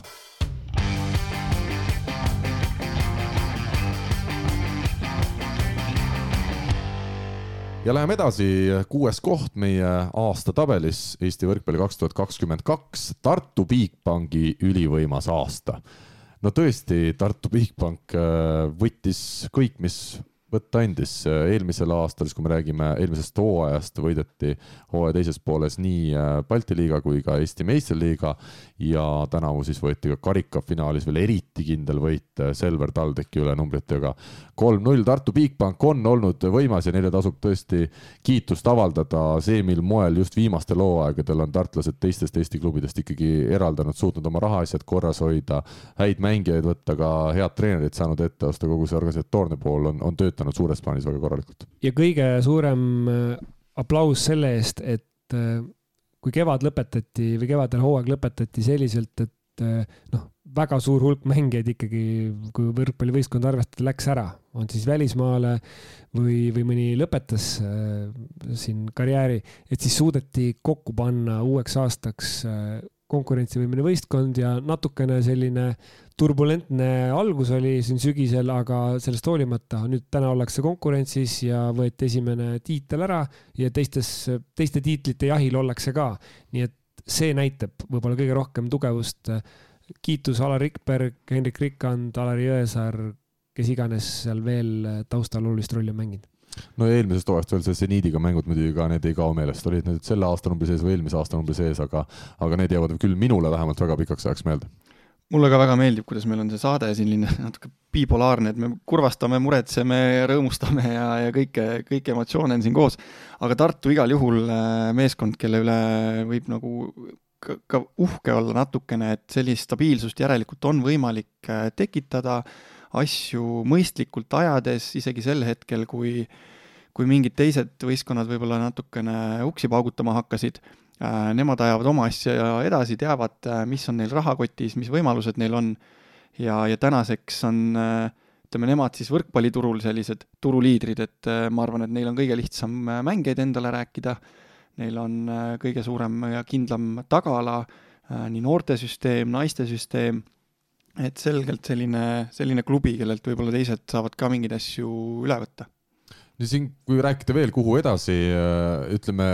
kõrgemat taset, kui nüüd eelmisel aastal, kui seniidiga mängitud Eesti klubilt oodata, on võib-olla ebarealistlik, vähemalt lähiaastate perspektiivis, aga naisteklubist oli siin küll mingil hetkel ka Hendrik Rikandil juttu, et äkki proovida selline poolprofessionaalne võistkond teha, aga, aga hetkel vähemalt sellest nüüd rohkem juttu ei ole olnud, et tundub, et Eestis me sellist poolprofessionaalset või professionaalset võistkonda vähemalt Tartu näitel niipea ei näe, kuigi, kuigi ikkagi väga ootaks ja tahaks, et see samm tuleb, et Eestisse ka vähemalt üks naiskond siis tuleks, kes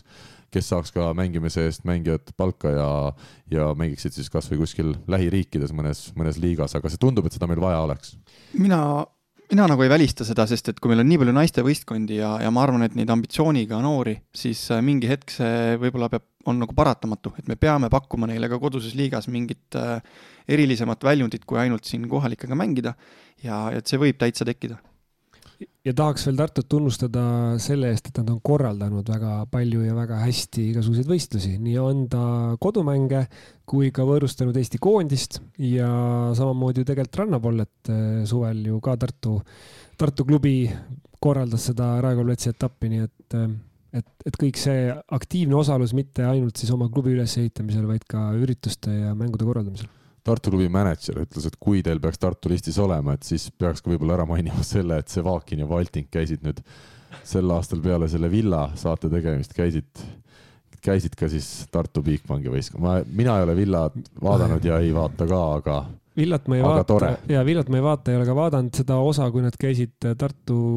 klubil külas mängimas, seda vaatasin ja jälgisin, et äh, kogus vähem klikke kui see, kui sa Vaakin ja Valting käisid jalgpalli mängimas, nii et ma jah, tervitan sind Henrikut siis. kui Mihkli ikkagi oskus igas momendis leida seos jalgpalliga, mis räägib jalgpalli kasuks, see on fenomenaalne. reklaamiagentuurid, tehke see kõne, tehke, tehke Mihklile kõne, ükskõik mida te toodate, ükskõik, Mihkel tuleb ja räägib selle kullaks. faktid, faktid, faktid, ega muud Fakt. ei ole, lähme edasi. super, no fantastic, fantastic, ma ütlen lihtsalt, et veel rohkem jalgpalli sellest klipist, mida Valting ja minu arust see, mis selle, Sevakin. Tegid, oli kergejõustik kergejõustiku. ja seal oli üks,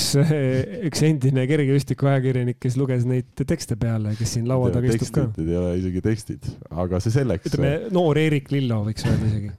äkki sa teed meile Eerik Lillo sellist äh, saate e? E Viker e no midagi sellist kõlab see Eerik Lillo hääl. ma ütlen, head noored, kes te kuulate, kes te Eerik Lillot ei, ei mäleta, ilmselt see on, see on üks paremaid äh, selliseid hääle järeltegemisi, mis on üldse võimalik. kuulake, vaadake internetist Eerik Lillo, te leiate Eesti Rahvusringhäälingu Rahvusringhäälingu arhiivist kindlasti heliklippe. helistage talle, küsige, vaadake, kas võtab sama häälega mees vastu. või minge Hiiumaale, Hiiumaalt Eerik Lillo tänasel päeval leiate. taas üks väga oluline infokild siia visatud, Taavimaa vaatab, vaatab maha ja mõtleb, et kuhu ta sattunud on. kes ta kutsus ja, ja kes, kes tegi otsuse, et ta tõesti tuleb meiega liitub. aga meie läheme siit edasi, head sõbrad, ja me võtame ette nüüd siis viienda koha ja viies koht meie aasta siis edetabelis on korralduslikud probleemid koduses võrkpallis ja me oleme siin kolme peale pannud kokku ka erinevad asjad, et et oleks midagi välja tuua konkreetset. meesteliigal pole hetkel ei sponsorit ega juhti. kalender selgub paar päeva enne hooaja algust, tegelikult oli vist isegi minu arust üks päev enne hooaja algust. arengukava tuli vaikselt lubatust hiljem, selle me juba võtsime läbi koondise mängijad peavad käima oma pesu pesemas ise ja oma raha eest. see oli siis, Mihklil oli see, oli see meenutus suvest. ja, ja mul oli meenutus suvest, ma sõitsin äh, ma ei mäleta, kas Paidesse Arvamusfestivalile, ma võin eksida selle, selle ajaga, kuhu ma sõitsin. ja sa võtsid enne seda pesumajast riided, panid värsked riided selga? ma sõitsin äh, seal äh, bussijaama lähedal, nurga peal on üks pesu, pesumaja ja seal oli kas äkki kolm koondise mängijat olid äh, ukse taga, siis ootasid oma pesukottidega ja ma siis lehvitasin neile ja nad lehvitasid vastu, et äkki ja, ja seda, noh, seda ma kuulsin ka mitte ainult siis, noh, ma nägin siis meestekoondise seal, aga ma kuulsin seda eelkõige ka naistekoondise mängijate käest eh, suve esimeses pooles, et, et, et nii oli. nii, olgu nüüd see punkt vähemalt selgitatud, me küsisime siin ka koondisest kommentaari sellele eh, kahetsusväärsele sündmusele, tuli välja, et ikkagi oma raha eest nad ei käi, lihtsalt neil ongi selline siis tava, Taavi on ka võib-olla vana pesumajade külastaja, et käiakse, mehed viivad ise siis Kalevi spordihoone lähedale pesumajja oma riided, et ei ole nagu jalgpallis tuhandeid komplekte, et seal Selge. on üks komplekt sinist, üks komplekt siis Näed. valget ja üks musta vist midagi jumal tänatud, oleks levitanud valeinfot praegu. aga Taavi, kuidas sa, sa nagu ei noogutanud äh, pead, kui sina koondises olid, siis sa lasid mõlemal nooremal mehel ära viia pesu või? ikka, ikka. ei, ei, meil siis ikka korjati kokku vist. korjati? jah, vähemalt mingi, mingi osa pesust ja minu arust ikkagi viidi kuhugi ja toodi mingi osa pesust? jah. las see teema jääda, las see teema jääda. aga, võib-olla kui selle punkti juurde Jaa, üldiselt tulla, mis puudutab neid korralduslikke küsimusi, siis, siis noh, mina võrkpallisõbrana alustaksin võib-olla sellest kalendri teemast, et ma mäletan, oli siis septembri keskpaik või teine pool, ma olin ühel üritusel, kus olid kõrgliiga mängijad ja ma küsisin nende käest, et noh, et järgmine või ülejärgmine nädal tavaliselt on alanud nagu hooaeg. Et noh, et kuidas praegu on, et kas on juba teada kalender ja nad kehitasid õlgu, ütlesid, et noh, et midagi vist peaks seal oktoobri esimestel päevadel juhtuma. ja, ja siis, kui oli veel nädal aega hooaja alguseni, siis samamoodi ma jälgisin, et noh, tahaks ju oma tegevusi, oma käike planeerida, et teada saada, millal siis mängud toimuvad ja, ja noh, ma ei leidnudki ja lõpuks siis ma tegin paari telefonikõnet ja sain teada, et ka, ka vähemalt see inimene, kellega ma rääkisin, ütles, et ka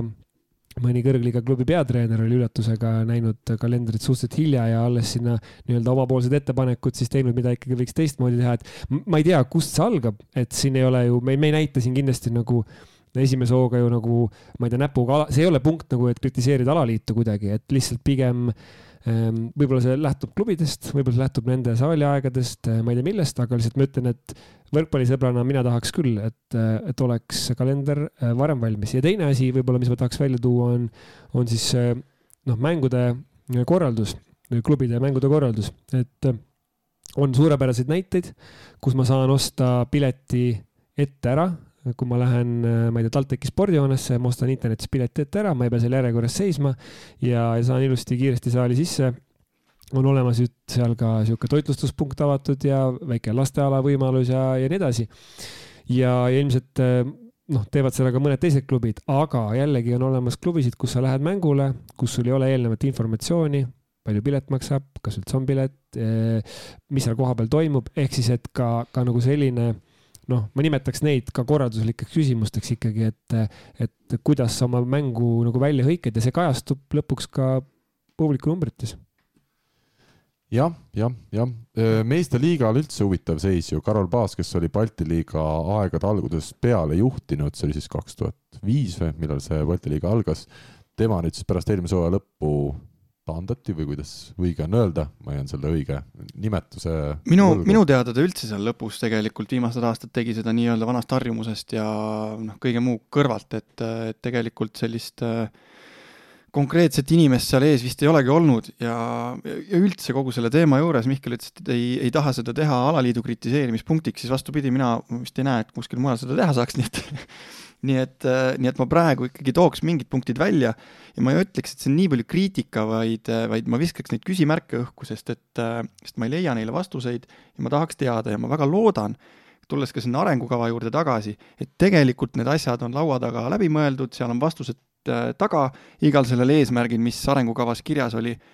aga ma tahaks seda sealsamas slaidis näha ka, ma tahaks tõesti teada, et mis need sammud on. Ma arvan, et ka terve Eesti võrkpallikogukond tahab neid samme teada ja praegu, praegu nagu sealt selgust ei saa. aga, aga jah, selliseid konkreetsuse puudust, ma arvan, on seal viimasel ajal kuidagi rohkem kui varem. et, et minu jaoks on ka, ka segased äh, asjad, näiteks me enne rääkisime ranna, rannavõrkpallist, selle kasvust äh,. mul on nagu natuke kurb jälle vaadata, et nüüd alaliit on hakanud rannavõrkpalliga tegelema, aga enne seda pidi tekkima tegelikult nõudlus, ehk siis alaga harrastajad äh,, tipptasemel mängijad iseenesest nii-öelda, ja siis tuleb alaliit taha. et ei ole seda valmidust ja ma arvan, et ka eelarve ei ole praegu näiteks suurem, kui ta oli paar aastat tagasi, et rannavõrkpalli hakata panustama, aga nüüd jälle see asi võeti vastu, sest noh, enam ei saanud seda edasi lükata. et, et alaliidu puhul, kui ma, kui ma eraettevõtluses kuskil näen, et, et sa ei saa võib-olla enne süstida raha sisse ja loota, et see tuleb tagasi, et sellist riski võtta on raske siis alaliit peab olema see, kes tekitab kõigepealt tingimused ja siis kannatabki ära kaks aastat miinust ja siis ütleb, et okei okay,, nüüd me oleme teinud läbimõeldud ja hea asja ja, ja meil on harrastajad ja, ja meil on ala, ala kasvab. et kui sa ütled, et praegu rannahallides mängida ei mahu ära, on ju, seda oleks pidanud ette nägema, kui veel oli see piiripealne olukord, on ju, ja, ja leidagi selle eraettevõtja, kes selle halli valmis ehitab ja, ja tööle paneb, et tänaseks päevaks, kus meil on harrastajad, siis on, on ka see hall juba valmis ja soe. siis äh,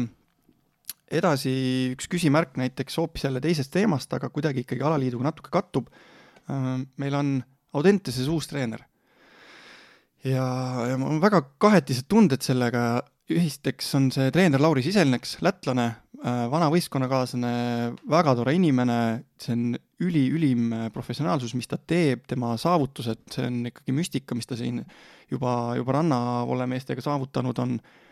aga kas tõesti ei ole meil Eestis ühtegi noortetreenerit, kes, kes tahaks nii-öelda Eesti parimat noortetreeneri kohta endale? et, et mina sain aru, et see nõudlus sinna kohale ei olnud eriti suur. ei olnud jah.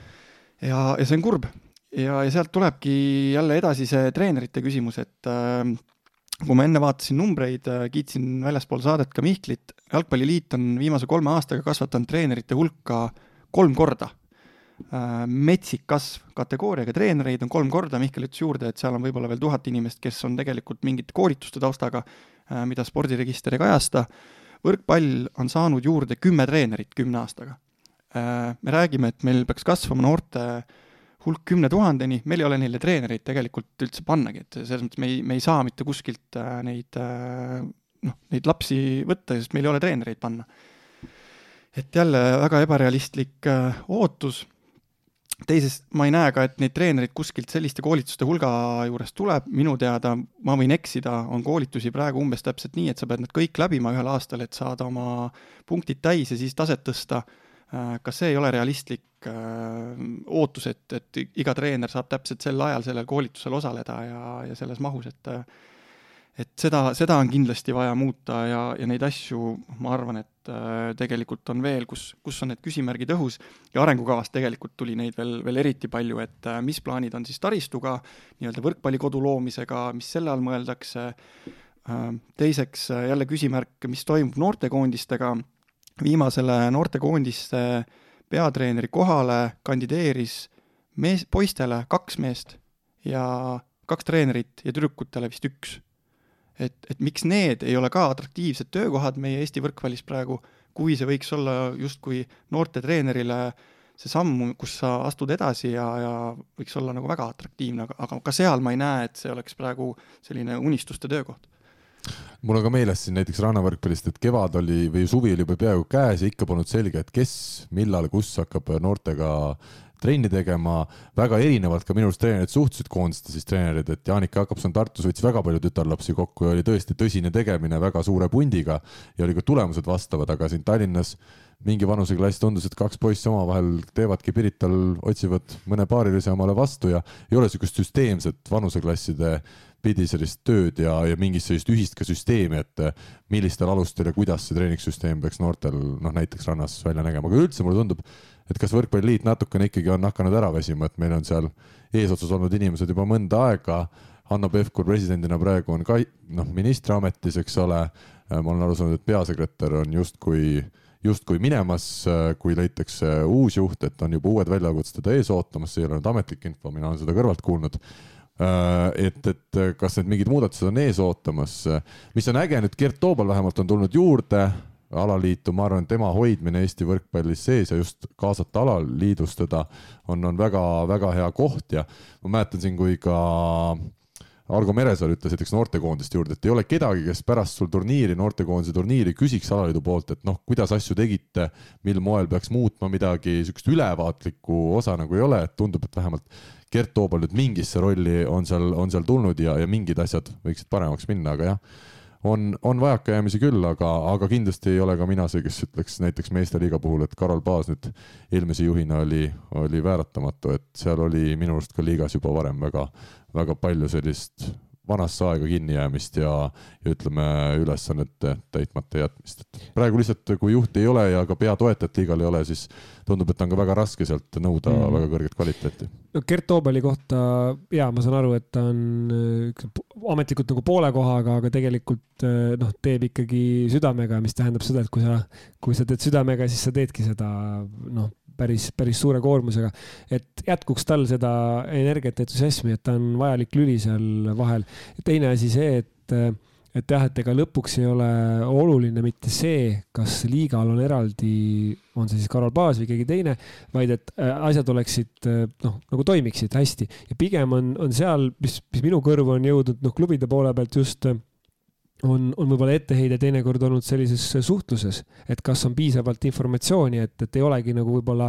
ootus mingite tegevuste järele, vaid pigem kindlate nagu suhtlust, ütleme varakult, vara, varajaste suhtlemiste ja sihukeste noh, kindlate kokkulepete järele. ja võib-olla kolmas on siis see, sa mainisid äh, siis Võrkpalliliidu peasekretäri, siis, siis jah, et nii palju kui, kui mina tean, et siis noh, see, kas ta jääb või mitte, ei ole ei ole nagu noh, kindel, aga et tal on nii-öelda pakkumisi mujalt erasektorist äh, tulnud, et, et aga, aga ta ei ole hetkel kuskile läinud, et, et ehk siis noh,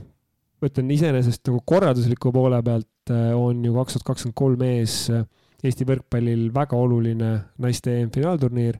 ja, ja noh, ka liiga mõttes on oluline kindlasti leida noh, uus toetaja ja, ja, ja sealt, sealt nagu edasi minna, et siin noh te tegemist on, tegemist on küll, et, et pigem jah, võib-olla nagu need, need ähm, noh siin on nagu, tuleb kahte äh, nagu kahte leeri need mured nagu äh, lüüa, üks on siis see, et mis on, ma ei tea, inimressurss või raha, aga teine on siis puhtalt selline noh, ma ei tea, suhtlustasand, et see suhtlustasand on, on see, mida saab alati teha, raha ja inimressurss,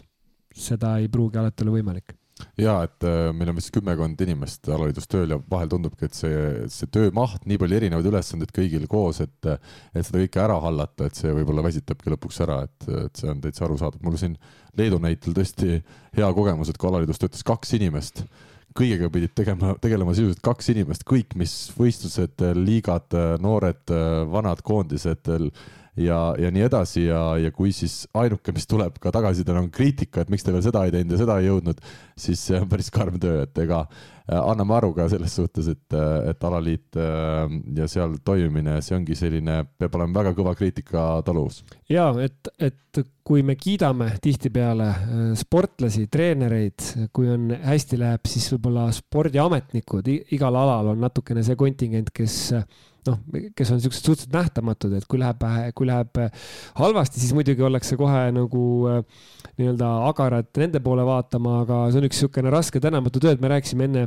ka võib-olla sellist entusiasmist just rannavõrkpalli puhul eelkõige, siis mina ütleks, et Eestis ikkagi spordimanagement on tihtipeale väga suuresti entusiasmil põhinev ja jääbki olema äh, selleks, nii et, et noh, jõudu nendele alates Gert Toobalist lõpetades äh, siin erinevate klubide eestvedajatega, et äh, see on üks, üks keeruline tänamatu töö, aga asi, mida kindlasti teha saab, omavahel suhelda ja planeerida ja teistega nagu arvestada, et need on asjad, mida vastastikku saab teha, et, et noh, ma arvan ka, et kui, kui klubi esindaja tunneb, et ta ei saa, ma ei tea, alaliidust informatsiooni, siis selle asemel, et nagu Äh, noh, ma ei tea, kuskil ennast välja elada, selle asemel on lihtne, kõne alaliitu ja, ja uuri siis informatsioon välja, et kui alaliit ei, ei varusta sind selle informatsiooniga, siis küsi ise ja, ja võib-olla tee ettepanek ja võib-olla tee ka ettepanek, et osale ise selles protsessis, et see on ka alati võimalus ühesõnaga paranemisruumi on, nii nagu ikka äh, ja loodetavasti lähevad asjad paremaks, aga meie läheme neljanda koha juurde ja täna meie tabelis neljandalt kohalt me leiame Võru võrkpalliklubi tagasi meistriliigas. Parruse nimi äh, see võistkond nüüd kannab, mis on siis üle pikkade aastate tõesti meistriliigas tagasi. kaks meest, Andres Linnasaar ja Martti Korp on selle Parruse taga, kes, kes siis tulid ja võtsid vaevaks Võrru ühe võistkonna luua ja Oliver Lüütsepp siis peatreenerina võistkonda vedama palgati. jutt käib siis meestest, eks ole, ma igaks juhuks ütlen. ja, ja naiste, tegelikult naiste meistriliigas minu arust juba eelmisel aastal oli Parvuse nimi just. tegelikult esindatud. ja, ja tõesti üks huvitav, huvitav koht, huvitav võistkond äh, ja, ja hooaja algus ka väga bravuurikas, isegi juhtisid hetkeks Balti liigat. nüüd, tõsi, on langetud äh, eelviimasele kohale, neli võitu, üksteist kaotust, on siin vigastusi, haigusi olnud ja, ja natukene ka tundub vaimset läbipõlemist pärast seda mhm. eriti edukat algust. ja hästi suur kiitus, et Võru on tagasi. Suur kiitus nendele klubi inimestele, on see siis äh, Lüütsepp või, või Tali või kes seal taga veel on, on, olnud või ka nendele, kes on Võrust võrkpallureid kasvatanud, et, et seal on see selgroog jäänud. Ehm, jah, tundus ka, et hooaega alustati bravuurselt, see emotsioon ähm, oli krutitud sinna, sinna hooaja algusesse väga-väga suur üles ja natuke see, see kõrvetas siis läbi, et noh, see on ikka niimoodi, aga ilmselt kogutakse ennast hooaja jooksul. aga noh, ma, ma loodan, et neil on jõudu näha seda sellise mitme aasta projektina, et äh, Eesti võrkpallile selline regionaalne kattuvus on, on väga, väga oluline. ma mäletan seda esimest mängu, kui äh, oli otseülekanne ka, mida äkki Toomas Vara ja Marko Mett vist kommenteerisid äh, ja see oli ka parajalt emotsionaalne, sest Marko Mettile seal kas anti üle ka mingi kingitus enne mängu. tema ju oli pikaaegne treener ja ka ise mänginud Võru võrkpalliklubi eest, nii et tõesti tore, natuke võib-olla ähm, noh, võib-olla kas oleks, kas oleks eeldanud, et äkki publikunumbrid on Võrus ikkagi isegi veel suuremad, kui nad praegu on olnud, sest et noh, mis Võru linnas ei ole ju selles mõttes konkureerivaid ähm, noh, ütleme, seal ei ole korvpallivõistkonda tipptasemel, seal pole jalgpallivõistkonda, kes oleks, ütleme, kõrgliiga tasemel. Äh, seal on küll saali jalgpall olnud, äh, aga, aga noh, ütleme siiski, et eeldaks võib-olla isegi veel rohkemat, arvestades ka seda, kuidas Võru teeb oma sotsiaalmeediat ja kuidas ta on tegelikult pingutanud, et siis ühesõnaga kiitus, aga et eh, tugev algus, aga et kuidas öelda, maratoni jooksus eh, need, need rasked hetked teil veel tulevad, et ma, mina vähemalt hoian küll pöialt, et need rasked hetked üle elaksite ja paneksite lõpuni välja. mina ka jälle kiidan selles osas, mida, mida võib-olla mina näen rohkem äh, seda, ütleme, meedia poolt, et äh, väga ägedalt on nad teinud mitmeid samme, mida ei ole ükski teine Eesti klubi teinud. võtame näiteks mängujärgsed intervjuud päris ausalt, kui täna meil Eesti võrkpallis no sisuliselt mängujärgsed intervjuud on, on ära kadunud või üldse mingeid kommentaare või arvamusi saada, ülivähe kuskilt seda infot tuleb ja vähemalt nüüd on Võrul pärast igat kodumängu, ma tean, et ma saan sealt mingisugused mõtted kätte. see on Soome näitel täpselt tehtud Oliver Lüütsepal ja, ja toimib küll, vähemalt võrkpallisõbrale väga huvitav lisaasi. mikker on pandud külge treeneritele seal osadel tavamängudel, väga äge asi jälle, mis täiesti, ma ei mäleta isegi, kellega Võru mängis, aga tänu sellele, et Oliver Lüütsepa juures oli kogu aeg mikrofon, ma tõesti huviga vaatasin, kaks, kaks geimi sellest mängust ära tõmbas juurde. ja, ja kolmandaks, sotsiaalmeediat ikkagi tehakse ka korralikult, et nad on rohkem pildis. täna võib selgelt öelda, et Võru, Võru võrkpalliklubi Pardus on, on hästi pildis, et isegi ma olen ikka Tartu Bigbankile heidan ette, nad ei taha seda vahel võtta kuulda, aga no näiteks sotsiaalmeedia tegemine Tartu Bigbankil mängudest koha pealt, no no väga väike, kui mitte olematu, noh et kui vaatadki karikafinaali, Võrkpalliliit tegi ka oma sotsiaalmeediakanalites, kas tegi kaks sellist story't, et näed, nüüd hakkas finaal meestel, nüüd lõppes meeste finaal ja võitja on see, et noh, niisugust nagu professionaalset tegemist kõige kõrgematel mängudel, ma ei ütlegi, et nüüd igas mängus peaks olema, aga nii alaliidu kui ka meie esiklubi Tartu Bigbanku, Bigbanki puhul jääb nagu puudu, et samas Võru teeb hästi, minu arust teeb ka TalTech Selver teeb täna sotsiaalmeediat hästi ja, ja Pärnul, Pärnul ka pigem ikkagi kehvama poole, no midagi ei ole öelda, no ei, ei ole sellist igast mängust korralikku sellist kajastust. aga lõpuks mina ikka ka kiidaks Võrut ja, ja e, hea eeskuju teistele. Kossus me oleme näinud seda lähiaastatel rohkem, uusi klubisid on tekkinud. Me võime rääkida, kui palju me tahame, et meil on kriis, meil on sponsoreid raskem leida, aga, aga tõsi on see, et äh, ega see raha kuskile maailmast ära ei ole kadunud. et see on lihtsalt äh, laevaga teises sadamas ja, ja sul tuleb natuke rohkem võib-olla otsida, aga aga see on olemas ja, ja seda huvi ilmselt spordi vastu ka on ja, ja natuke seda julgust ja ettevõtmist tahaks, tahaks veel nüüd näha. ja kaks meest tõesti, Robin Kahu ja Devin Põlluste, tore, et sellised mehed on meistriliigas ka ennast näidanud, arusaadav, et liiga tase on natukene langenud ja siis on ka lihtsam võib-olla tulla tagant peale, aga igatahes Võrule kiitus selle eest, et sellised mehed on üles leitud. aga daamid ja härrad, kaks tundi ja viisteist minutit orienteeruvalt tänast saadet on kulunud, kolm kõige kõrgemat kohta ootavad meid tabelis veel ees. Ja kolmandalt kohalt me leiame siis meeste võrkpalli kokkukuivamine, ainult neli võistkonda on siis Eestis kõrgliga tasandil alles jäänud, lisame juurde ka äh, kolm Läti võistkonda ja sellega Balti liiga piirdubki. ehk siis võrreldes eelmise aastaga juurde tuli üks võistkond Balti liigasse, see on Võru, kellest just rääkisime. ära kadus siis üks Tallinna klubi, sest Selver ja TalTech äh, ühendasid jõud ja Lätis siis kadus ära üks võistkond, see on Jelgava ja seal ka päris arusaadav põhjus, oleme ise selles süüdi, sest Lauri Zietselnõks seal väga toredat noortepunti vedas, aga kui tema tuli Tallinnasse Audentese spordigümnaasiumisse noori ühendama ja tõesti, ma olen kuulnud ainult kiidusõnu seni nii mängijatelt kui ka igalt poolt äh, mujalt, et Jetselneks teeb head tööd, siis äh,, siis jah, Jelgava jäi ära, üks sidemängija läks seal Prantsusmaale, üks mängija tuli Selverisse äh, noorematest siis ja, ja ülejäänud on Läti klubide vahel ära jagatud. Äh,. nii et selline seis hetkel ja, ja tõesti nüüd küll juba igalt poolt kirgab, et kui, kui veel üks klubi kuskilt Eestist peaks ära kukkuma mis siis saab, siis on juba alustada hooaja eelsel pressikonverentsil sellega, et meie eesmärk on juba täidetud, me oleme medalil. jah, ja sa unustasid öelda, et see Leedu võrkpalli sa hävitasid, eks ole ise ära, et nagu me siin oleme korduvalt saates rääkinud. aga see on ka huvitav, ma võin öelda Karkstaja puhul, nad tulid ju Balti liigas esimest korda jõudsid Final Fouri, nad ajasid veerandfinaalis äh, Selveri tundus, kõik on hästi, neil oli väga äge punt ka koos, seal oli mitmed ukrainlased, kes sobinusid väga hästi äh, Leedu võistkonda ja siis klubi president, äh, kes siis on ka peamine toetaja, ütles, et rohkem ei viitsi, rohkem ei viitsi, et teeme kodutasandil edasi, ma ei viitsi nii palju raha enam panna, et siis, kui just mängijad ja võistkond tundus, et nüüd paneme natukene juurde ja äkki saame selle medali kätte, siis on üks inimene, kes otsustab sisuliselt kõige eest ja ütles, et ah, mina rohkem ei viitsi, et teeme lihtsamal tasandil. kas seal oli ka mingi teema, et oli kuskil Valgevenega mingid ärid, mis nüüd äh, sõjatingimustes äh, ära lõppesid, aga ma ei, ma ei tea, kas see, kas see seda võis, kas see võis nii olla, aga punkti juurde tagasi või noh, tulles selle siis punkti juurde, siis jah, noh, neli pluss kolm ehk seitse on ikkagi ju rekordiliselt vähe, et äh, kui liiga algas, siis oli ühest riigist, kas oli parimal hetkel isegi äkki seitse võis olla, et, äh, et seda on vähe, et alla kümne pole ju tegelikult vist olnudki ehk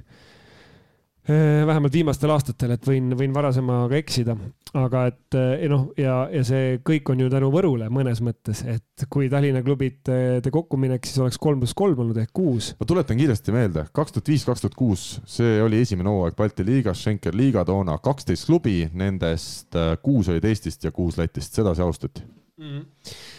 et jah, eks siin on ju vahepeal, me oleme seda ka siin saates varasemalt rääkinud, et kes on olnud need võistkonnad, kes on siin olnud ju Saaremaa, Rakvere, eh, Järvamaa, et äh, et kõik need äh, võistkonnad või potentsiaalsed kohad on, Viljandi on veel ju olnud selline potentsiaal või võiks olla potentsiaalne liituja teoreetiliselt. et ma ei teagi, selles mõttes, et äh, eks siin on ühelt poolt ju see lugu, et need esiliiga võistkondadel on raske seda sammu teha majanduslikult ja võib-olla ka mängijad noh, tahavad nii-öelda pereelu elada ja muud elu elada. aga teiselt poolt on pigem nagu küsimus siis selles, et ühel hetkel see samm äh, võib nagu jõuda neile nagu selge ees vastu, tuleb see, tuleb see tase ja võib-olla ka see samm, et ühel hetkel see ei olegi enam nii keeruline, et kui praegu võib-olla nagu see, see nii-öelda pingutus oleks veel, veel, veel, veel nagu liigne, siis võib-olla aasta-paari pärast, kui meie samamoodi edasi läheme, siis siis, siis on, siis on see, see mure nii-öelda lahe meelega pooleks iseenesest. Äh, noh, kui nüüd Audentes lisandub, millest on, millest on räägitud, siis see on oluline samm edasi ja kui noh, seltskonnast näiteks Viljandi Rakvere tuleks veel üks, siis me räägiksime kuue võistkonnaga liigast, mis oleks juba hoopis teine lugu. nüüd Tallinna, Tallinnas on ainult üks klubi mm, sisuliselt jäänud. see on minu meelest. Harjumaal on jäänud üks klubi, mis on veel märkimisväärsem, arvestades, kui palju inimesi elab Harjumaal täna. just, et see on kasutamata potentsiaal ja mina ütleks, et noh, me võime rääkida, et siis noh, on võimalik seda ühte klubi noh, nii-öelda paremini teha, aga ma ei tea, minu meelest praktika ikkagi näitab seda, et kui on konkurents, siis tehakse asja paremini ja, ja mis, no vaatame sellele TalTechi ja Selveri ühinemisele otsa. Janis Sirelpuu oli siis äh, vahetati treeneri kohalt välja ja Uku Rummi mänedžeri kohalt äh, no TalTechil oli selge, ütleme, mure just äh, eelarve osas, nad olid miinuses pärast eelmist hooaega ja, ja ütleme, nende puhul see liitmine võib-olla, võib-olla näis ka selles suhtes mingis mõttes ainsa või vähemalt lihtsama väljapääsuteena ja samal ajal Selver, ma rääkisin ka Lauri Kasperiga, Selveri siis ühe, ühe ütleme taustajõuga siin pikkadest aastatest juba, tema ütles, et et üks asi, üks asi see rahaline pool, et seda raha ajada, aga teine asi, et ta ütles, et ei olnud enam äh, ikkagi nii palju neid mängijaid, kes tahaks tõsiselt teha võrkpalli, et, et kahe võistkonna jagu Harjumaal, et minul just pigem oli tundunud varem nagu vastupidi, et neid mängijaid on Harjumaal palju, aga klubisid on väheks jäänud, aga tema ütles, et selliseid tõsiseid tegijaid, et me ei räägi nendest, kes töö kõrvalt seda teevad, vaid selliseid, kes tahaks tõsiselt mängida, et kahe, kahe pealinna klubi jagu neid hetkel võib-olla polegi koos, et see on täpselt see, et kustpoolt vaadata ja mis rollis olla. igaüks näeb, ütleme, asja natukene erinevalt, aga igal juhul kurb see on, et et meil väiksemaks Eestis klubide arv on jäänud. huvitav, Selverist äh, tulid üle väga paljud äh, tegelased, peatreener Andres Toobel sellesse ühendvõistkonda, abitreener Valdis Radionenkov, statistik, nüüdne siis mänedžer klubil Mihkel Sagar tuli Selverist, mängijatest Tamme, Orav, Õun, Täht, Hääl ja TalTechist on siis eelmise aasta TalTechist on võistkonda jäänud ainult Tamme, Üprus ja Alari Saar. et see on suuresti ikkagi Selveri põhjal, vähemalt inimeste osas. minu jaoks on selles eelmises jutus natuke nagu suur küsimärk, et kui me räägime, et meil ei ole enam Harjumaal mehi, kes oleks nõus mängima, et siis äh, siis me oleme midagi väga suurt maha maganud, sest et äh, siis meil ei ole mõtet ka rääkida, et meil Rakvere, Viljandi ja, ja kõik muud väikelinnad äh, tagasi tulevad. et, et Harjumaa elanike arvuga praegu ja teades, palju siin neid mängijaid tegelikult elab, no siin võiks vähemalt kaks võistkonda veel olla, et äh.... tead, mis ma ütlen, huvitav asi, mida ma võib-olla korvpalliga võrreldes olen märganud, et äh, võrkpallurid ikkagi on väga headel töökohtadel meistriliigas mängivad inimesed, et neil on juba korralik, nad teenivad kaks, kolm, neli tuhat eurot palka mm -hmm. ja siis, kas nad tulevad seal tuhande eest, mis on orienteeruvalt siis see kuupalk, mida need töö kõrvalt äh, mängimas käivad mehed äh, teenivad võrkpalliga, et neid ei motiveeri see enam kuidagi, aga korvpallis mulle tundub natukene rohkem nii, see on nüüd meeletu stereotüüpide esiletoomine, kindlasti ei ole kõik korvpallurid, aga on rohkem selliseid noori, kes on läinud sada kümme protsenti ainult korvpall ja nad ripuvad seal meistriliigas pikki aastaid, sest neil ei ole väga head sellest kõrval väljuda, aga võrkpallurid on ennast harinud, võib-olla rohkem, see on ainult pilt, mis mulle nagu kõrvalt vaadates jäänud. Ja nad lähevad tasuvale tööle ära ja nad ei taha enam seda meistriliiga karusselli Lätis, Lätis käia iga nädalavahetus mängimas. nõus. Ja see ongi adekvaatne põhjendus tegelikult, see aeg, mis läheb sinna võrkpalli, see ei ole enam balansis selle tasuga. Ja, ja nagu ma enne ütlesin, et meistriliigas praegu on üksikuid mehi, kes saavad selles mõttes äh, väärikat palka, nii et nad ei pea muretsema, et neil teine töö kõrval oleks. me räägime TalTechist, kus on äh, üliõpilased, mängivad üliõpilased, kes samal ajal juba töötavad IT-ettevõtetes, teenivad äh, kolm korda rohkem kui seal paremad võrkpallurid samas võistkonnas ja, ja siis kuidagi ette heita, et ta ei jää selle võrkpallitee peale, noh, oleme, oleme ausad, sa ei saa talle seda ette heita. hea asi, Üprus, viimane mees, oli intervjuu Georg Sonne, kiidame Just. Georgi ka, väga tore, et ta on võtnud intervjuude tegemise enda peale. Äh, Üprus ütleski, et küsi-, oli küsimus, kas plaanid ka võrkpalli teisalt, ta ütles ei, minu, minu ikkagi prioriteet on see, et ma oma siis vist ka IT-valdkonnas lööksin läbi ja oleksin seal edukas ehk siis jah, me, me ei ole nagu, me ei räägi praegu sellest, et me käiks ajaga kaasas, vaid me oleme ikkagi natuke jäänud maha, et see palgatase on täpselt sama, võib-olla väiksem kui siin aastaid tagasi. et, et me ei ole kuidagi kaasas käinud selle tempoga, mida näiteks ütleme siis korvpall on suutnud. aga, aga võib-olla siin olekski nagu üks variant ka seda asja selles mõttes ümber mõtestada, et öeldagi, et me ei, meie ambitsioon võib-olla ei peagi olema profivõrkpall üldse. et ma saan aru, et et noh, mitmed riigid, kellega me oleme ka eurosarjas siin mänginud või noh, klubid nendest riikidest, et seal ei ole täpselt mitte profivõrkpalli, siin Taani, ma saan aru, see Gentofte, kellega mängiti, et ei olnud ju tegemist profisatsiga, ma ei tea, kas see Šveitsi võistkond, kellega Tartu mängis, oli äh, profivõistkond, võib-olla oli, aga noh, ühesõnaga, et ma tahan öelda, et, et, et ka. aga neid ei ole ka võrkpalliriigid? tõsi, aga, aga noh, ütleme, et, et võib-olla nagu äh, taseme mõttes see noh, ma ei tea, kas see aitaks kaasa, mitte, et, et noh, see ambitsioon, et ma, ma tulen nagu mängin siis ainult nagu seda, et võib-olla noh, ma ei tea, ehm, mul on Alar Rikbergi juttudest jäänud nagu mulje, et nemad nagu laveerivad seal noh, niimoodi, et, et kes käib hommikul tööl ja kes käib siis tööl ja nii edasi, aga noh ma olen nagu nõus, et sinna juurde, selle töö tegemise juurde panna on endal nädalavahetused kinni ja sõidud. Äh, ma imestan näiteks naiste võrkpallis sama asja, et, et noh, et sa, sa käid täiskohaga tööl või õpid ja siis sa see lähed, siis sa lähed reedel, sõidad, ütleme, ma ei tea, Leetu või Lätti ja tuled äh, pühapäeva õhtul tagasi täiesti, ma ei tea, kaks üli nagu kõva mängu mänginud, et noh, noh jah, et, et võib-olla see tõesti on nagu noh, jah, et võib-olla see ei olegi nagu jätkusuutlik, aga võib-olla me peaksime nagu ümber mõtestama, et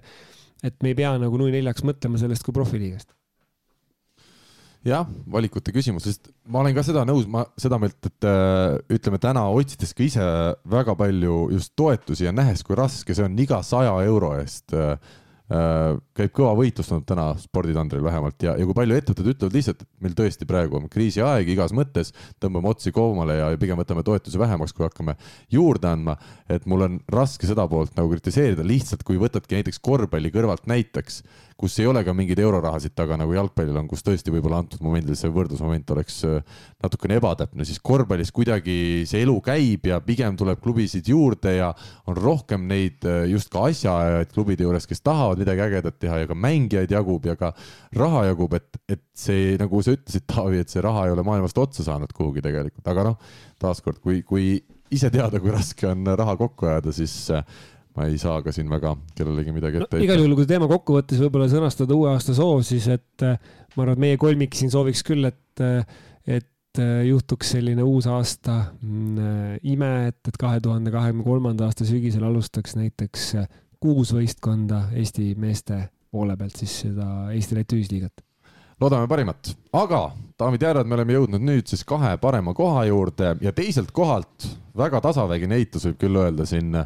sisuliselt esikohta peaaegu et jäid jagama, sest ei, ei olnud kellelgi meil soovi ühte nendest kahest asjast jätta teiseks. Äh, aga midagi me ikkagi teiseks panime ja see teine koht on siis Eesti võrkpallilegendi, Eesti spordilegendi võib lausa öelda, Gert Toobali pika ja eduka karjääri lõpp.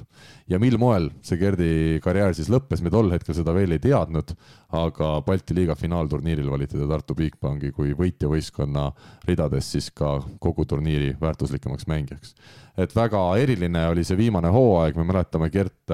hooaja esimesel poolel üldse väljas vigastusega veel, oli Aleksander Eermaa tema asemel Tartus, aga hooaja teisel poolel siis liitus ja selle hooaja teise poolega ei kaotanud Gert Toobal ühtegi mängu meeskonna koosseisus, nii et oli päris ka ütleme, vääriline, vääriline lõpp äh, sellisele väga erilisele karjäärile igal juhul respekt, et ta lõpetas ikkagi mängides, et ei, ei andnud rahu ja sellises vanuses sinna veel see vigastus välja ravida, nii et sa tuled väljakule ja, ja tuled veel hästi välja. ja kui hästi mängiti TalTechi vastu veel Balti liiga finaalis. et, et ülisuur respekt ja, ja ma loodan, et ta, ta on ka oma, oma praeguse valikuga rahul ja, ja suudab siia nii mõnelegi meie küsimusele vastuse tuua. jaa, ta ju nii palju kui, kui ajaloo andmed on, on meil õigesti kontrollitud, siis äh, Gert Toobal tegeles nüüd võrkpalliga kolmkümmend viis aastat järjest, et tuhat üheksasada kaheksakümmend seitse, siis kui mina sündisin, läks ta Willie Vantsi juurde trenni Järvamaa spordikooli, nii et äh, noh, ja kõik need äh, aastad siis välismaal, mis ta ju mängis, erinevad Prantsusmaal, Türgis. ma ütlen ära ka Poolas. Prantsusmaa, Itaalia, Belgia, Poola, Türgi ja jah sellised välisriigid olid veel erinevates klubides. Soomes mängis ka mingil hetkel. ja, ja Soomes oli ka jah. Salon Piiv, Piivolles mängis ta ka aastatel kaks tuhat kuus, kaks tuhat seitse. ja noh, rannavõrkpallis juunioride EM hõbe ja sellest oleks pidanud alustama muidugi. sellest oleks pidanud alustada, arvestades kõike seda, seda olukorda, et kui hea põhja loob ähm, siis rannavõrkpall saalile, aga noh, lihtsalt äh, ma arvan, et äh,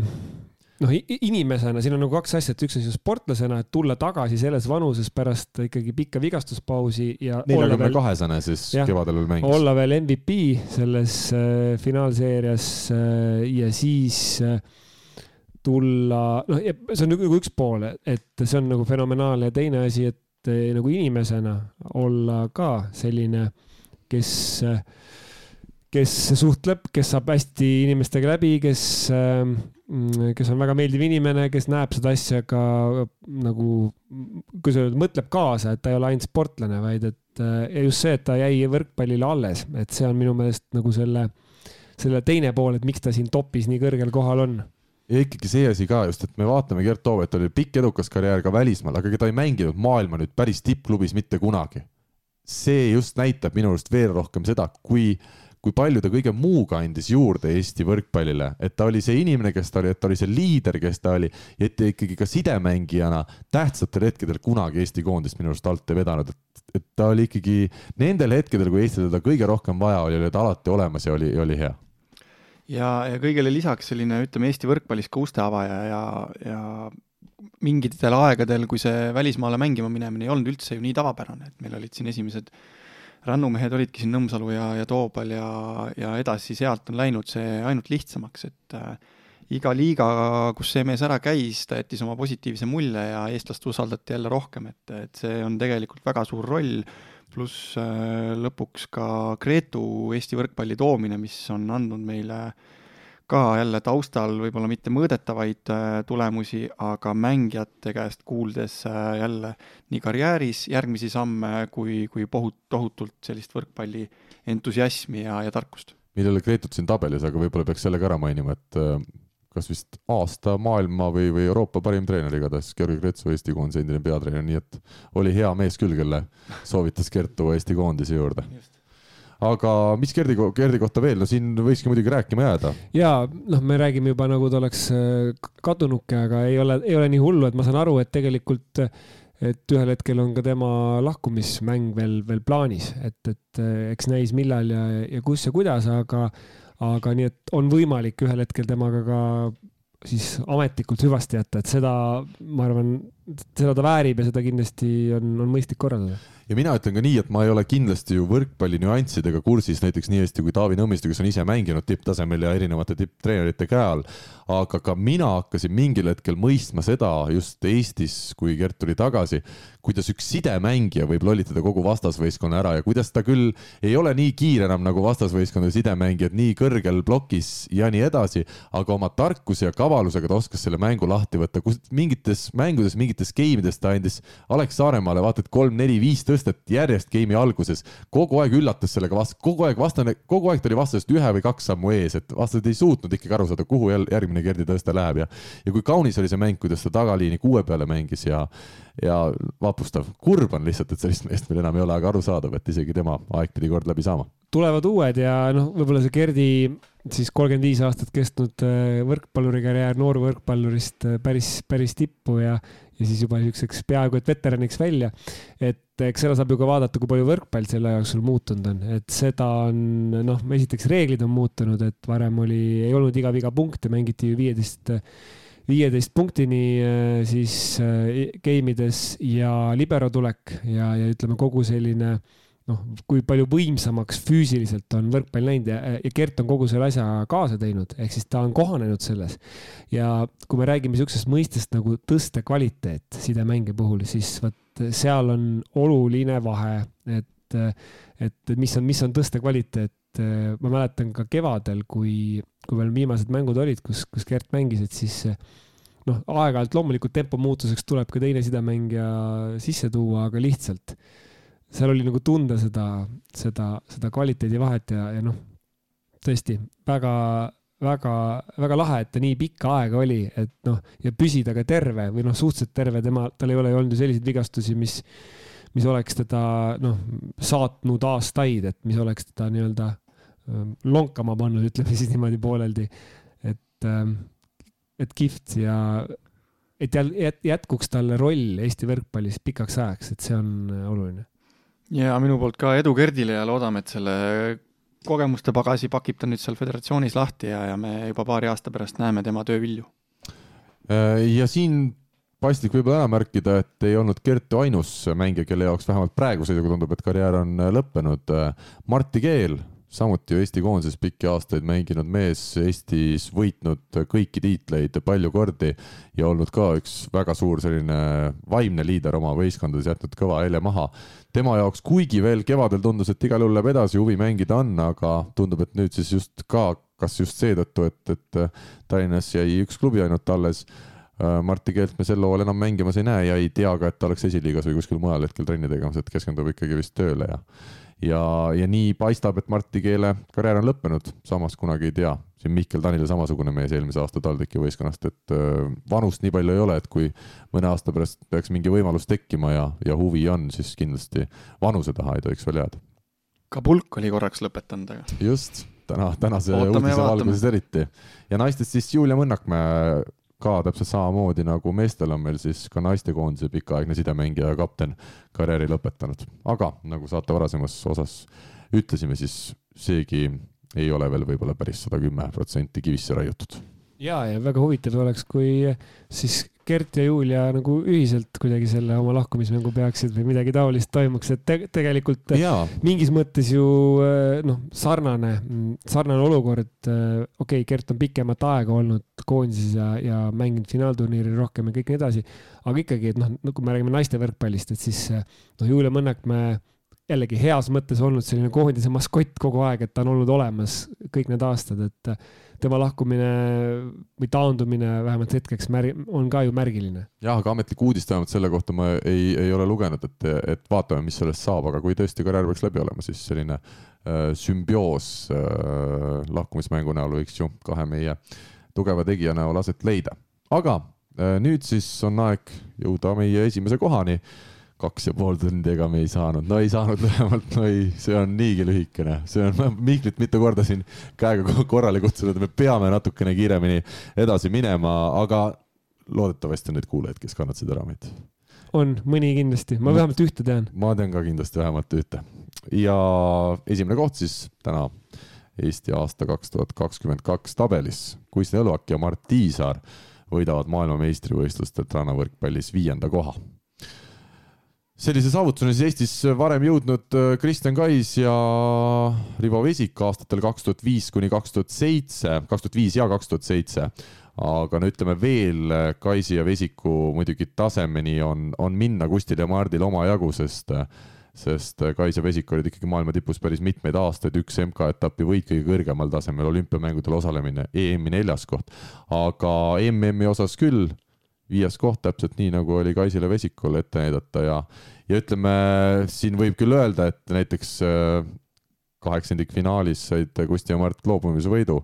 aga tagantjärele keegi selliseid asju reeglina kümne, kahekümne aasta pärast ei mäleta. selge on see, et nad läbimurde maailma tippu tegid vaatasin üle ka, kas nad vist jõudsid jah, kuuel etapil, maailma tippetapil jõudsid esikümnesse sel hooajal, no see on, see on see peamine kvaliteedimärk, et lõpuks ometi pärast tõesti neid pikki raskeid aastaid on neil õnnestunud see kõige teravamasse tippu äh, läbilöök ja, ja nende üle on hea meel ja nemad on tõstnud Eesti rannavõrkpalli ka suuremas plaanis. Suurde pilti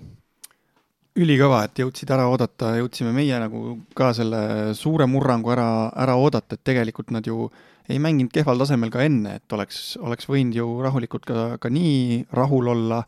aga ise nad tundsid ja teadsid kogu aeg, et mis veel seal sees peidus on ja ja, ja väga äge, et äh, omale stiilile, süsteemile kindlaks jäädes äh, jõuti siis selleni tegelikult äh, EM-i üheksas, pole ka üldse paha, et, et veel paar aastat tagasi oleks me ilmselt ka selle saavutuse üle väga palju hõisanud, aga, aga see MM-i viies koht ja kindlasti, kindlasti nad on seda väärt. just see, et nad jõudsid selle ära oodata, et see, no ma mäletan ka, mul tulevad ette kohe, kui nad alustasid oma seda püüdlemist siis nende tippude, tähtede suunas, ikkagi suhteliselt keeruline oli neil seda, seda raha kokku ajada ja noh. mõlemad müüsid auto ära.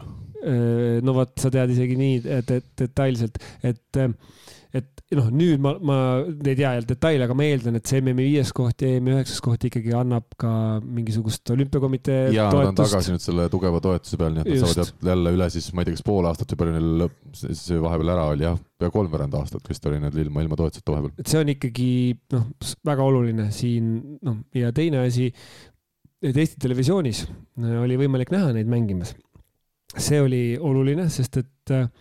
sest et see noh, tõi nad jällegi lähemale äh, inimestele, populariseeris jälle rannavõrkpalli ja nad on olnud sellised noh, mitte ainult ETV-s, vaid ka laiemalt, nendest on ju kirjutatud ja räägitud päris palju, et, ähm, et selline üldine positiivne kajastus ja eelkõige nende enda selline olek no, jah. mõistlik ja sihuke positiivne meelsus, et nad ei ole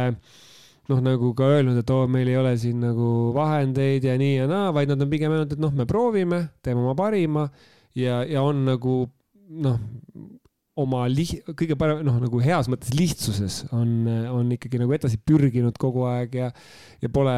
noh, nii-öelda häbenenud seda, kui, kui ei ole parasjagu noh, võimalik ühte, teist või kolmandat teha või on vaja teha mingit, ma ei tea, kampaaniat mõne toetajaga, ma olen siin Facebookis aastate jooksul näinud, mis nad on teinud ja nad on ise nagu nii-öelda käinud ukselt uksele ja ja nii-öelda vaeva näinud, et, et noh, nad on teenitud seal, kus nad on ja noh, nüüd on küsimus, et, et nad ei ole vist jah, nagu ennast ikkagi ankurdanud, ütleme sinna maailma tipppaaride hulka, et sinna läheks nüüd aega veel aasta-paar, et see stabiilsus nagu saavutada, et ma loodan, et nad püsivad seal. et aga vähemalt just see eel või see taustsüsteem on, et nad saavad rahulikult nüüd võtta, et nad ei pea muretsema nüüd selle pärast vähemalt, et kas nad järgmise tiitlivõistluseni venitavad välja või mitte. mis on Kusti ja Mardi tugevus äh, maailma tipus suurim, ma arvan, on plokkkaitse hetkel. Mart Tiisar, üks paremaid plokimängijaid, väga hästi ja targalt ja kvaliteetselt neid käsi üle võrgu ajab ja samamoodi Kusti, kuidas ta loeb mängu ja kuidas ta ka tihti suudab kiiresti, väga kiiresti koos Mardiga äh, selle kaitsest tulnud palli mängida juba vastaste väljaku poolele punktiks, nii et vastased ei ole kaitse asendid veel jõudnud korralikult sisse võtta, et selgelt miinuspooled veel on, sama Kusti side out ilmselt ehk siis seri vastuvõtust rünnakule minek. Vahepeal jääb see lahendamisprotsent liiga madalaks, et seal päris tipus äh, kogu aeg võite võtta, aga ütleme, neid miinuseid on täna alles jäänud mõni üksik ja me väga loodame, et nende kallal äh, ju tehakse tööd ja et, et läheb seis veel paremaks, igatahes on nad juba kuhjaga ära tõestanud, et see valik rannavõrkpalli kasuks oli õige ja, ja nad on, nad on teinud seda, mis, mis neil, nende jaoks kõige õigem oli. no ma kujutan ette, et kui sa tuled kuskilt sealt pikalt võistlusreisilt, eks ole, kus, kus sa oled, kuhu sa oled võib-olla üldse saanud kuidagi raha, oma viimast raha natukest kokku äh, klappides seal on ju, ja siis võib-olla ei ole see tulemus ka kõige parem olnud, et siis noh, ma kujutan ette, et kui palju ka tahtejõudu see nõuab, et ennast nagu edasi sundida, sest noh äh, kui sa tegeled äh, nagu rannavõrkpalliga, kus on sul kahest mehest, eks ole, sõltub, mõnikord saab veel keegi natuke vigastada, nagu siin ka oli ju äh, operatsioon lausa vist, eks ole. no Kustil oli... sa seljaga mõtled või? just. ja nüüd Mardil oli puusaga. just, et noh, et, et kui sellised asjad on veel, veel, veel ka tulevad, et, et noh, siis noh, tekib küsimus, kas me üldse lähme edasi, kas me, kas me saame, on ju, et noh, nii-öelda noh, treenida edasi olukorras, kus nii-öelda üks, üks jalg kahest nagu lonkab parasjagu nii-öelda või üks, üks, üks mees kahest on nagu audis, et. ja kus kogu aeg Eesti klubid ka koputavad uksele, et kuule, et meil on jälle sidemängijat või diagonaali yeah. vaja, et tule aita välja. et, et see on nagu äh, hea näide nagu oma unistuste poole püüdlemisest, nii et, et mul on küll selline nagu, nagu kuidagi hea, hea soe tunne neid nähes ja ütleme, et, et, et nagu nad noh nad on nüüd nagu jõudnud sinna kohta, kus nad on aktsepteeritud oma, oma tegevuses ja nad on ikkagi teerajajad olnud, okei okay,, seal olid ju enne äh, Rivo Vesik ja, ja Kristjan Kais ja veel enne seda ju võtame ka Aavo Keel ja Kaido Kreen kunagi äh, Atlanta olümpia üheksakümmend kuus, aga, aga noh, ikkagi seal on olnud katkestused nagu, et seal ei ole olnud nagu mingit loogilist sidet, et üks tiim annab nagu teisele kuidagi üle oma, oma tegevused, aga, aga jah et teha, ehitada nagu nullist oma tiim üles selliselt, et, et sa jõuad ikkagi kuskile, et noh, kindlasti see ei ole see, et sellega saaks rikkaks või midagi taolist, et ma ei, ma ei mõtle nagu praegu seda, aga mõtlen, et sa saad tegeleda sellega, mis sul tõesti nagu Äh, hinges on ja, ja sa mainisid, sa, sa väga ilusti tõlkisid siin äh, oma jutukäigus, eelneva jutukäigus ära ka sellise mõiste nagu side out, et mulle väga meeldib, et see oli ainus negatiivne asi, mis mul suvised, äh, suviseid ülekandeid kuulates jäi meelde, et kogu aeg käis jutt side out'ist, side out'ist, et kui seda oleks võinud ka öelda, et kuidas sa ütlesid seda. seri vastutus rünnakule üleminek. seri vastutus rünnakule üleminek, minu arust see kõlab palju lihtsamini, palju selgemini. on õige nii, Taavi või? Sa oled ka nõus, see on vist no, kõige parem no, oma, aga kas see, see lihtsam on see on, noh, tähendab, noh, see on oma servist ära, punkti äralöömine põhimõtteliselt, noh, antud juhul siis see tähendab, et see, kes vastu võttis, jah, see, kes vastu võttis, läheb ka rünnakule, eks ole. et, et noh, see, see nüanss, et ma ei kuulnud, et suvel oleks kordagi seda seal ETV eetris ära selgitatud. siis minu arust just selgitati isegi ükskord vähemalt. okei okay,, siis ma võib-olla käisin köögis võileibu tegemas. aga kiidaksin ka Indrek Verrat, ma veel kord ütlen, et ta minu arust äh, juba tundub, et teenimatult vähe tähelepanu saanud, öelnud ise ka, et ega sisuliselt keegi kuskilt ka alaliidust on vist äh, kõigi nende aastate jooksul korra temaga keegi kunagi ühendust võtnud, et, et Indrek Verra on täna, mulle tundub, Eesti võrkpallis natuke liiga alahinnatud äh, mees, et äh, tema on ju see, kes on seda, ütleme, teistsugust lähenemist rannavõrkpallile ja sellele kogu spordi tegemisele Kusti ja Mardi juures viljelenud, et et on ka olnud ju väga palju kriitikaid ja, ja ka ma ise olen öelnud, ma ei, ma ei tea, kas see minu puhul toimiks või et kas ma oleks nõus sellist asja ette võtma, aga täna on näha, et Kusti ja Mardi jaoks see toimib ja see on kõige olulisem, et just nende kahe inimese jaoks see süsteem toimib, nii et Indrek Verale ka suur aplaus. ja seda rohkem on põhjust oodata, minu teada on valmimas Kusti ja Mardi kohta film, ma loodan, et see projekt on veel töös ja, ja tänaste tulemuste valguses on, on seda kindlasti veel põnevam vaadata, seda äh, viimaste aastate teekonda Pariis kaks tuhat neli, kaks tuhat kakskümmend neli vist on see eesmärk, et no praegu küll loodame, et, et kui nüüd õnnestub järgmine hooaeg ka teha korralik, siis ka koht olümpiale tuleb neil esmakordselt. kas, kas sa tead, Karl, mis selleks vaja on teha, et tuleks koht olümpiale, on seal? seal on ranking us vaja olla, ma nüüd jään vastuse võlgu, kuna ma ei hakka seda ka hetkel otsima, aga kas mm. enne oli vist, et kas maailma ranking us kuueteist hulgas ja siis veel mingisugused kohad mingite tiitlivõistluste või äh, siis regioonide põhjal pannakse paika. hoiame pöialt igal juhul. ja, ja ma ütlen omalt poolt ka Kusti ja Mart on saanud äh, justkui ka headeks sõpradeks, et äh, alati, kui meie Peace neljakümne nelja alt teeme mingisuguseid üritusi või asju, siis nad ise on vahel kirjutanud, et kuule, et suvi on tulemas, et anna märku, et millal, millal oleks vaja meie abi, et nad on nii hea meelega tulemas äh, appi ja just seda Eesti rannavoole kultuuri edendama ja arendama, et ma ei ole kunagi kuulnud, et ütleks, et kuule ei või et me ei viitsi või ei saa, et alati, kui mingit kommentaari kuskil ajakirjanikuna vaja oli, iga, igal hetkel teisel pool maailma võtsid kõne vastu või, või helistasid kohe tagasi ja selles suhtes ka väga-väga head ala edasi viia ja just see positiivsus kõik, mida siin sai enne ka räägitud. vot nii, nii et jääme vaatama ja ootama, mis tuleb järgmisel aastal Kusti ja Mardi jaoks ja üldse Eesti võrkpalli jaoks. huvitav aasta tuleb igal juhul, vähemalt kõigi võrkpallisõprade jaoks ei ole vist võimalik, et üks võrkpalliaasta tuleks ebahuvitav. kindlasti EM-finaalturniir kodus, siis augustikuus, kindlasti seal tasub kohal olla aga eelkõige tasub kohal olla minu meelest Eesti-sisestel võistlustel, et on need naised või mehed, minge saali, vaadake ja seal on alati kaasaelamist, kaasamõtlemist, et äh, pange korraks nutitelefonid kõrvale ja süvenege sinna mängu ja, ja saate, ma arvan, niisuguse elamuse. ja seda, kas ja millal meie uuesti eetris oleme, noh, kes seda teab, kui just kuskilt nüüd kuulaja ei näe, et just rahalaev on saabumas ja, ja tahaks ilmselt selle meile anda, siis, siis ilmselt lähiajal vähemalt regulaarselt mitte. aga head sõbrad, saate alguses kõlas ka Grade kakskümmend neli